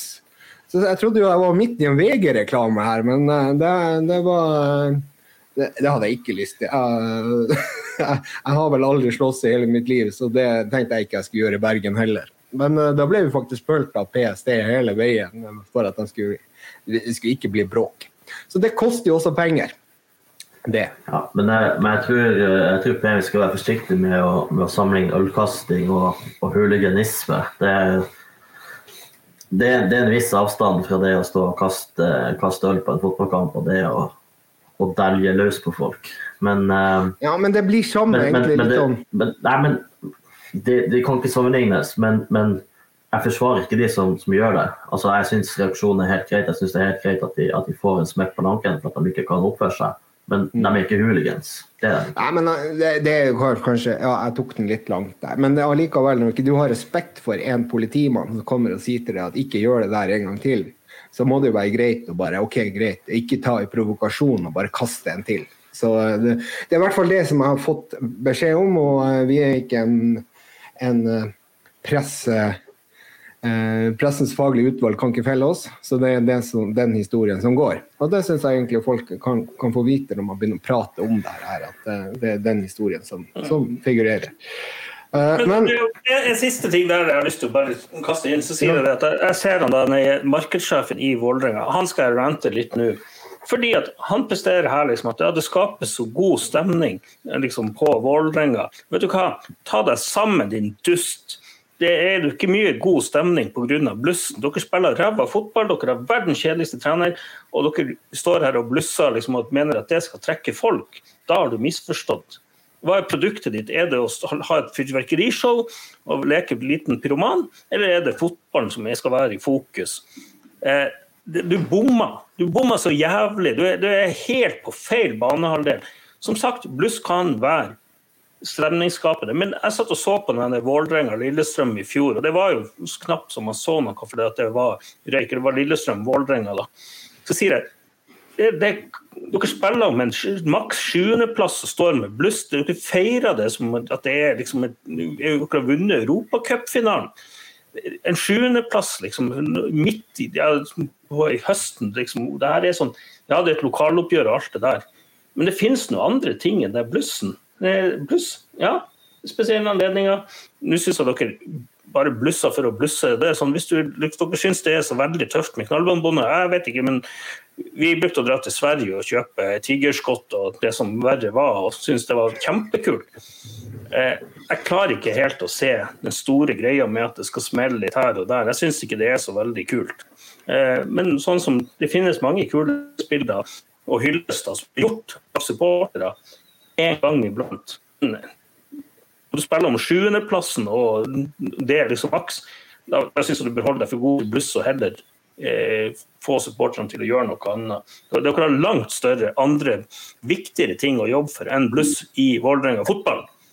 Ja, nei, altså det, det, finnes sikkert andre muligheter for å skape stemning med lys og lyd og alt mulig, men eh, da må du jo egentlig eh, tenke på en annen måte. Det er ikke 1600 grader som er løsninga, det må være noe annet.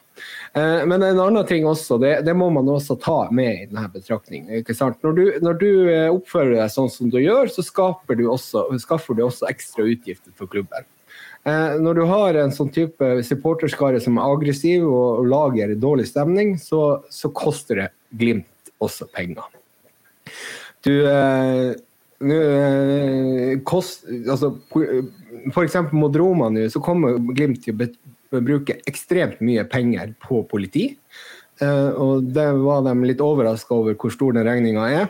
Eh, og den skal vi ikke si hva, hva, hva var, men allikevel så er det et jækla stort beløp. Og det er nesten sånn at en europacupkamp eh, går i null pga. politioppmøtet og den biten der. Så hvis folk hadde klart å oppføre seg, så hadde man faktisk ikke hatt den utgiften der. Og det, jeg skjønner ikke hvorfor du skal dra på fotballkamp for å lage bråk, for å, for å skape uvennskap, for å, for å bryte loven. Nå må folk begynne å skjerpe seg. Nå må de ta seg sammen, som Bjørn Einar sier. Altså det, er, det, det finnes andre måter å støtte laget på enn å bryte loven. For pokker! Er stille nå. Nå ble dere skremt. Er dere det et bra punktum? Nei da. Ja, ja det, det var kanskje det. Det var, var et greit punktum. Det er egentlig det jeg tror vi skal tenke på å runde av. Og det jeg sier det, så kommer det sikkert noen digresjoner, sånn at vi, vi, vi peiser på videre. Men eh, det er mye fotball den neste uka. Eller de neste hva det blir, ni dagene.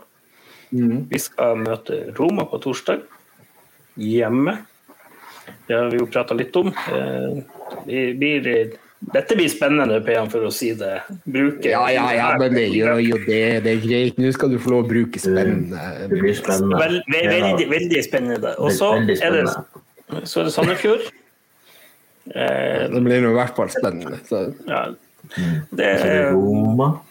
Så er det Roma. Det, det, det vel, vi må vel ha en sånn sikkert en sånn gledespod uten Parelius, for du, du er den eneste av oss som skal reise. Ja, nei, jeg bestemte meg etter kampen borte mot Aset at eh, er det bortekamp i påska Eller jeg bestemte meg jeg skal på stadion uansett den kampen som er i påska, så krysser jeg fingrene på at det, at det var bortekamp. Så når det ble bortekamp, så var det bare å, å ringe hjem til Bodø, fortelle mamma at eh, det blir ikke påske på, på dere i år. Eller de skal ha påske uten meg, da. Men eh, jeg skal til Roma, og det var koste hva det koste vil. Så det, det blir fem dager i Roma. Jeg tar det som en liten ferie. Skal, men skal du være med på det Vatikanopplegget også, da? Nei, jeg er ikke konfirmert, så det gir jeg faen i. OK, greit. Men Men eh, du, sånn, eh, du, vi, kan, vi kan jo spøke om alt der, men jeg, jeg tror det er noen sånne ypperste prester som har lyst til å konfirmere deg. Ja, det, du skal ikke se bort ifra. Det. Det kan bli gøy, det. ja, kan jeg heller lete etter senor... Lete etter noen senoritas. Men um, altså, det, det, det er mye fotball. Det er i Spania, så er du Ja, hva de heter hva, hva det heter Signora. Sen- Senora. Ja, men, men altså det, eh, det, er mye, det er mye fotball i april. Vi har jo, Etter Roma-kampen borte, så er det jo Vålerenga hjemme. Og så er det Viking hjemme i cupen, og så er det Viking, bort, Viking hjemme borte i Eliteserien igjen. Og så er det hvis vi risikerer å spille en cupfinale også 1. mai-helga. Så det, det, det er mye fotball fremover. Da skal vi, da skal vi podde direkte fra Champs. Hæ? Hvor klarer vi det? Ja, det, Det skal vi love. Ja. Men, men eh, så sitter jeg nå også og venter på AN sin oppsummering av eh, gårsdagens kamp. Eh, eller gårsdagens, søndagens kamp. Eh, er det noen som har funnet det? Nei, det, jeg så på Twitter i dag det skulle komme klokka syv. Eh, jeg, jeg finner ikke noe på Spotify as we speak, i hvert fall på Studio Glimt. Eh, jeg kan jo sjekke an.no om de har lagt noe ut klokka det er bra content hvis du søker på, på nettet. Uh, AN satser nytt, alle nerder strøm.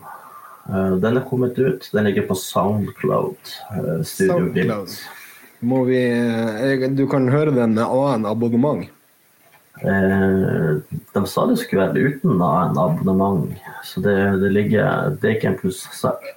Gå inn på Avisa Nordland og, og høre på den. Kanskje Nei, det vi skal gjøre i kveld.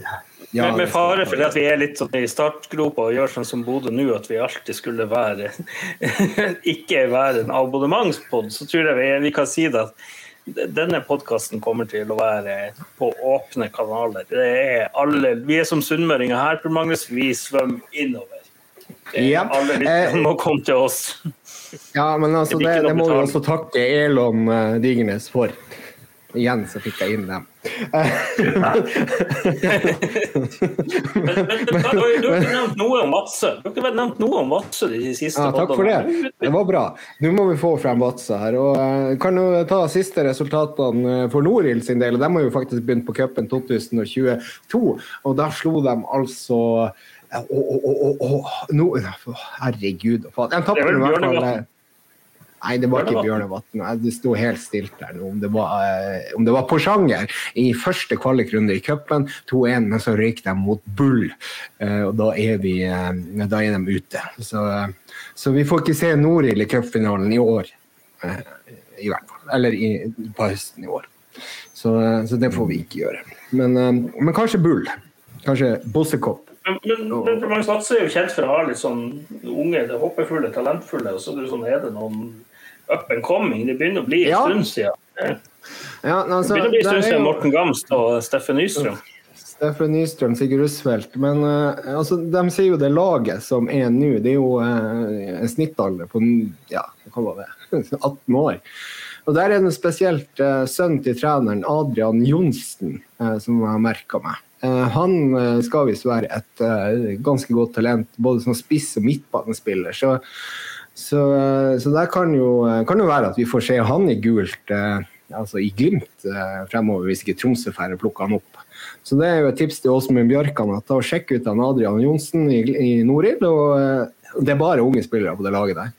Så, eh, så, eh, så, så da fikk vi en reklame. Jeg håper pappa Pål at du er stolt nå, så kan faktisk sende denne episoden til han. Så, så kanskje han, eh, han eh, Vi har tagga han på Twitter og alle kanaler, Ja. liksom. Ja, ja, ja. ja.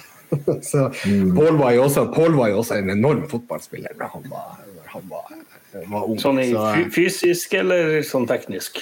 Ja, teknisk, teknisk skudd og alt mulig. Jeg har jo spilt eh, med han, så det, det, var, det var helt enormt. Så, så det, det er der, der tror jeg faktisk at hvis det, hvis hadde vært noen talentspeidere i den tida, så hadde han spilt på, på høyt, høyt nivå.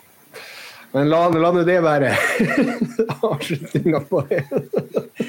Yes, nei, men Da skal vi gå inn for landing. og Vi må vel takke Vebum for produksjon og Adventure Taylor som sponsor. Og så tror jeg vi snart eh, må sette Jørn bilde av Jørn, ikke han fra SF-poden, men Jørn Sund Henriksen på melkekartong. For han begynner å bli, syns jeg vi har sett. Jeg har ikke sett på TV heller. Nei, altså nå begynner de unnskyldningene dine å bli eh, ganske så pissatrengte. Så nå vil vi ha en eh, Altså, du ser jo nå 1.47,25. Han hadde jo stoppa oss for lenge siden. Så det, det her eh, Det her Det her begynner å dra ut. Han gir jo feedback da på at det, vi gjør er bra, så han, så han følger jo med. Ja. Som, eh, men vi kan jo be han om å sette tidspunkt for neste innspilling, så kan vi bare møte opp når det, når det passer han. Ja, det er Vi kanskje vet, litt mer vi vet jo det at vi kommer jo i morgen så kommer jo PM. Skal vi ikke ta oss og spille vi litt? dagen for kamp og så videre? Ja, men jeg jeg- jeg må jo si det. Jeg må, jo si- jeg må si det at det er så deilig å høre på denne podden her nå, etter at vi har fått de nye mikkene. Altså, det, det, var, det var som jeg sa eh, i, i, i chatten, der, at jeg har litt lyst til å ha sex med den lyden. Den, den, er, den, den er fin. Den er det. Det, det må jeg bare si, i hvert fall i forhold til hva vi hadde før. Så, så eh, det, det var jo en, egentlig en god investering, det, her, gutta. Det her, Ja, eh, absolutt. her. Så du får jo Jeanette til å liksom gå ned i kjellerstua og spille inn litt, eh, litt, litt lyd der, og så er det sånn. Ja, ja, ja. Holder det på øret, så. Ja, det er Øystein Parelius på øret, så det Bjørn Einar sin rent på Rente, er det. Hør på den lyden, hør på den lyden! Hør på den lyden! Om, om ikke min Per-Mathias Høgmo-invitasjon får det til å gå for deg, så vet jeg Nei, da tror jeg faktisk at det bare, da, da går det rett ned igjen. Nei, Det går ikke. Yes. Nei, men eh, vi takker Web, igjen Weben for produksjon og Adventure Tell som sponsor. Eh, vi kommer snart tilbake til den tid. På gjenhør og heia Glimt. Nå skal vi slå de der jævla spagettieterne ut av helvete, var ikke det han sa?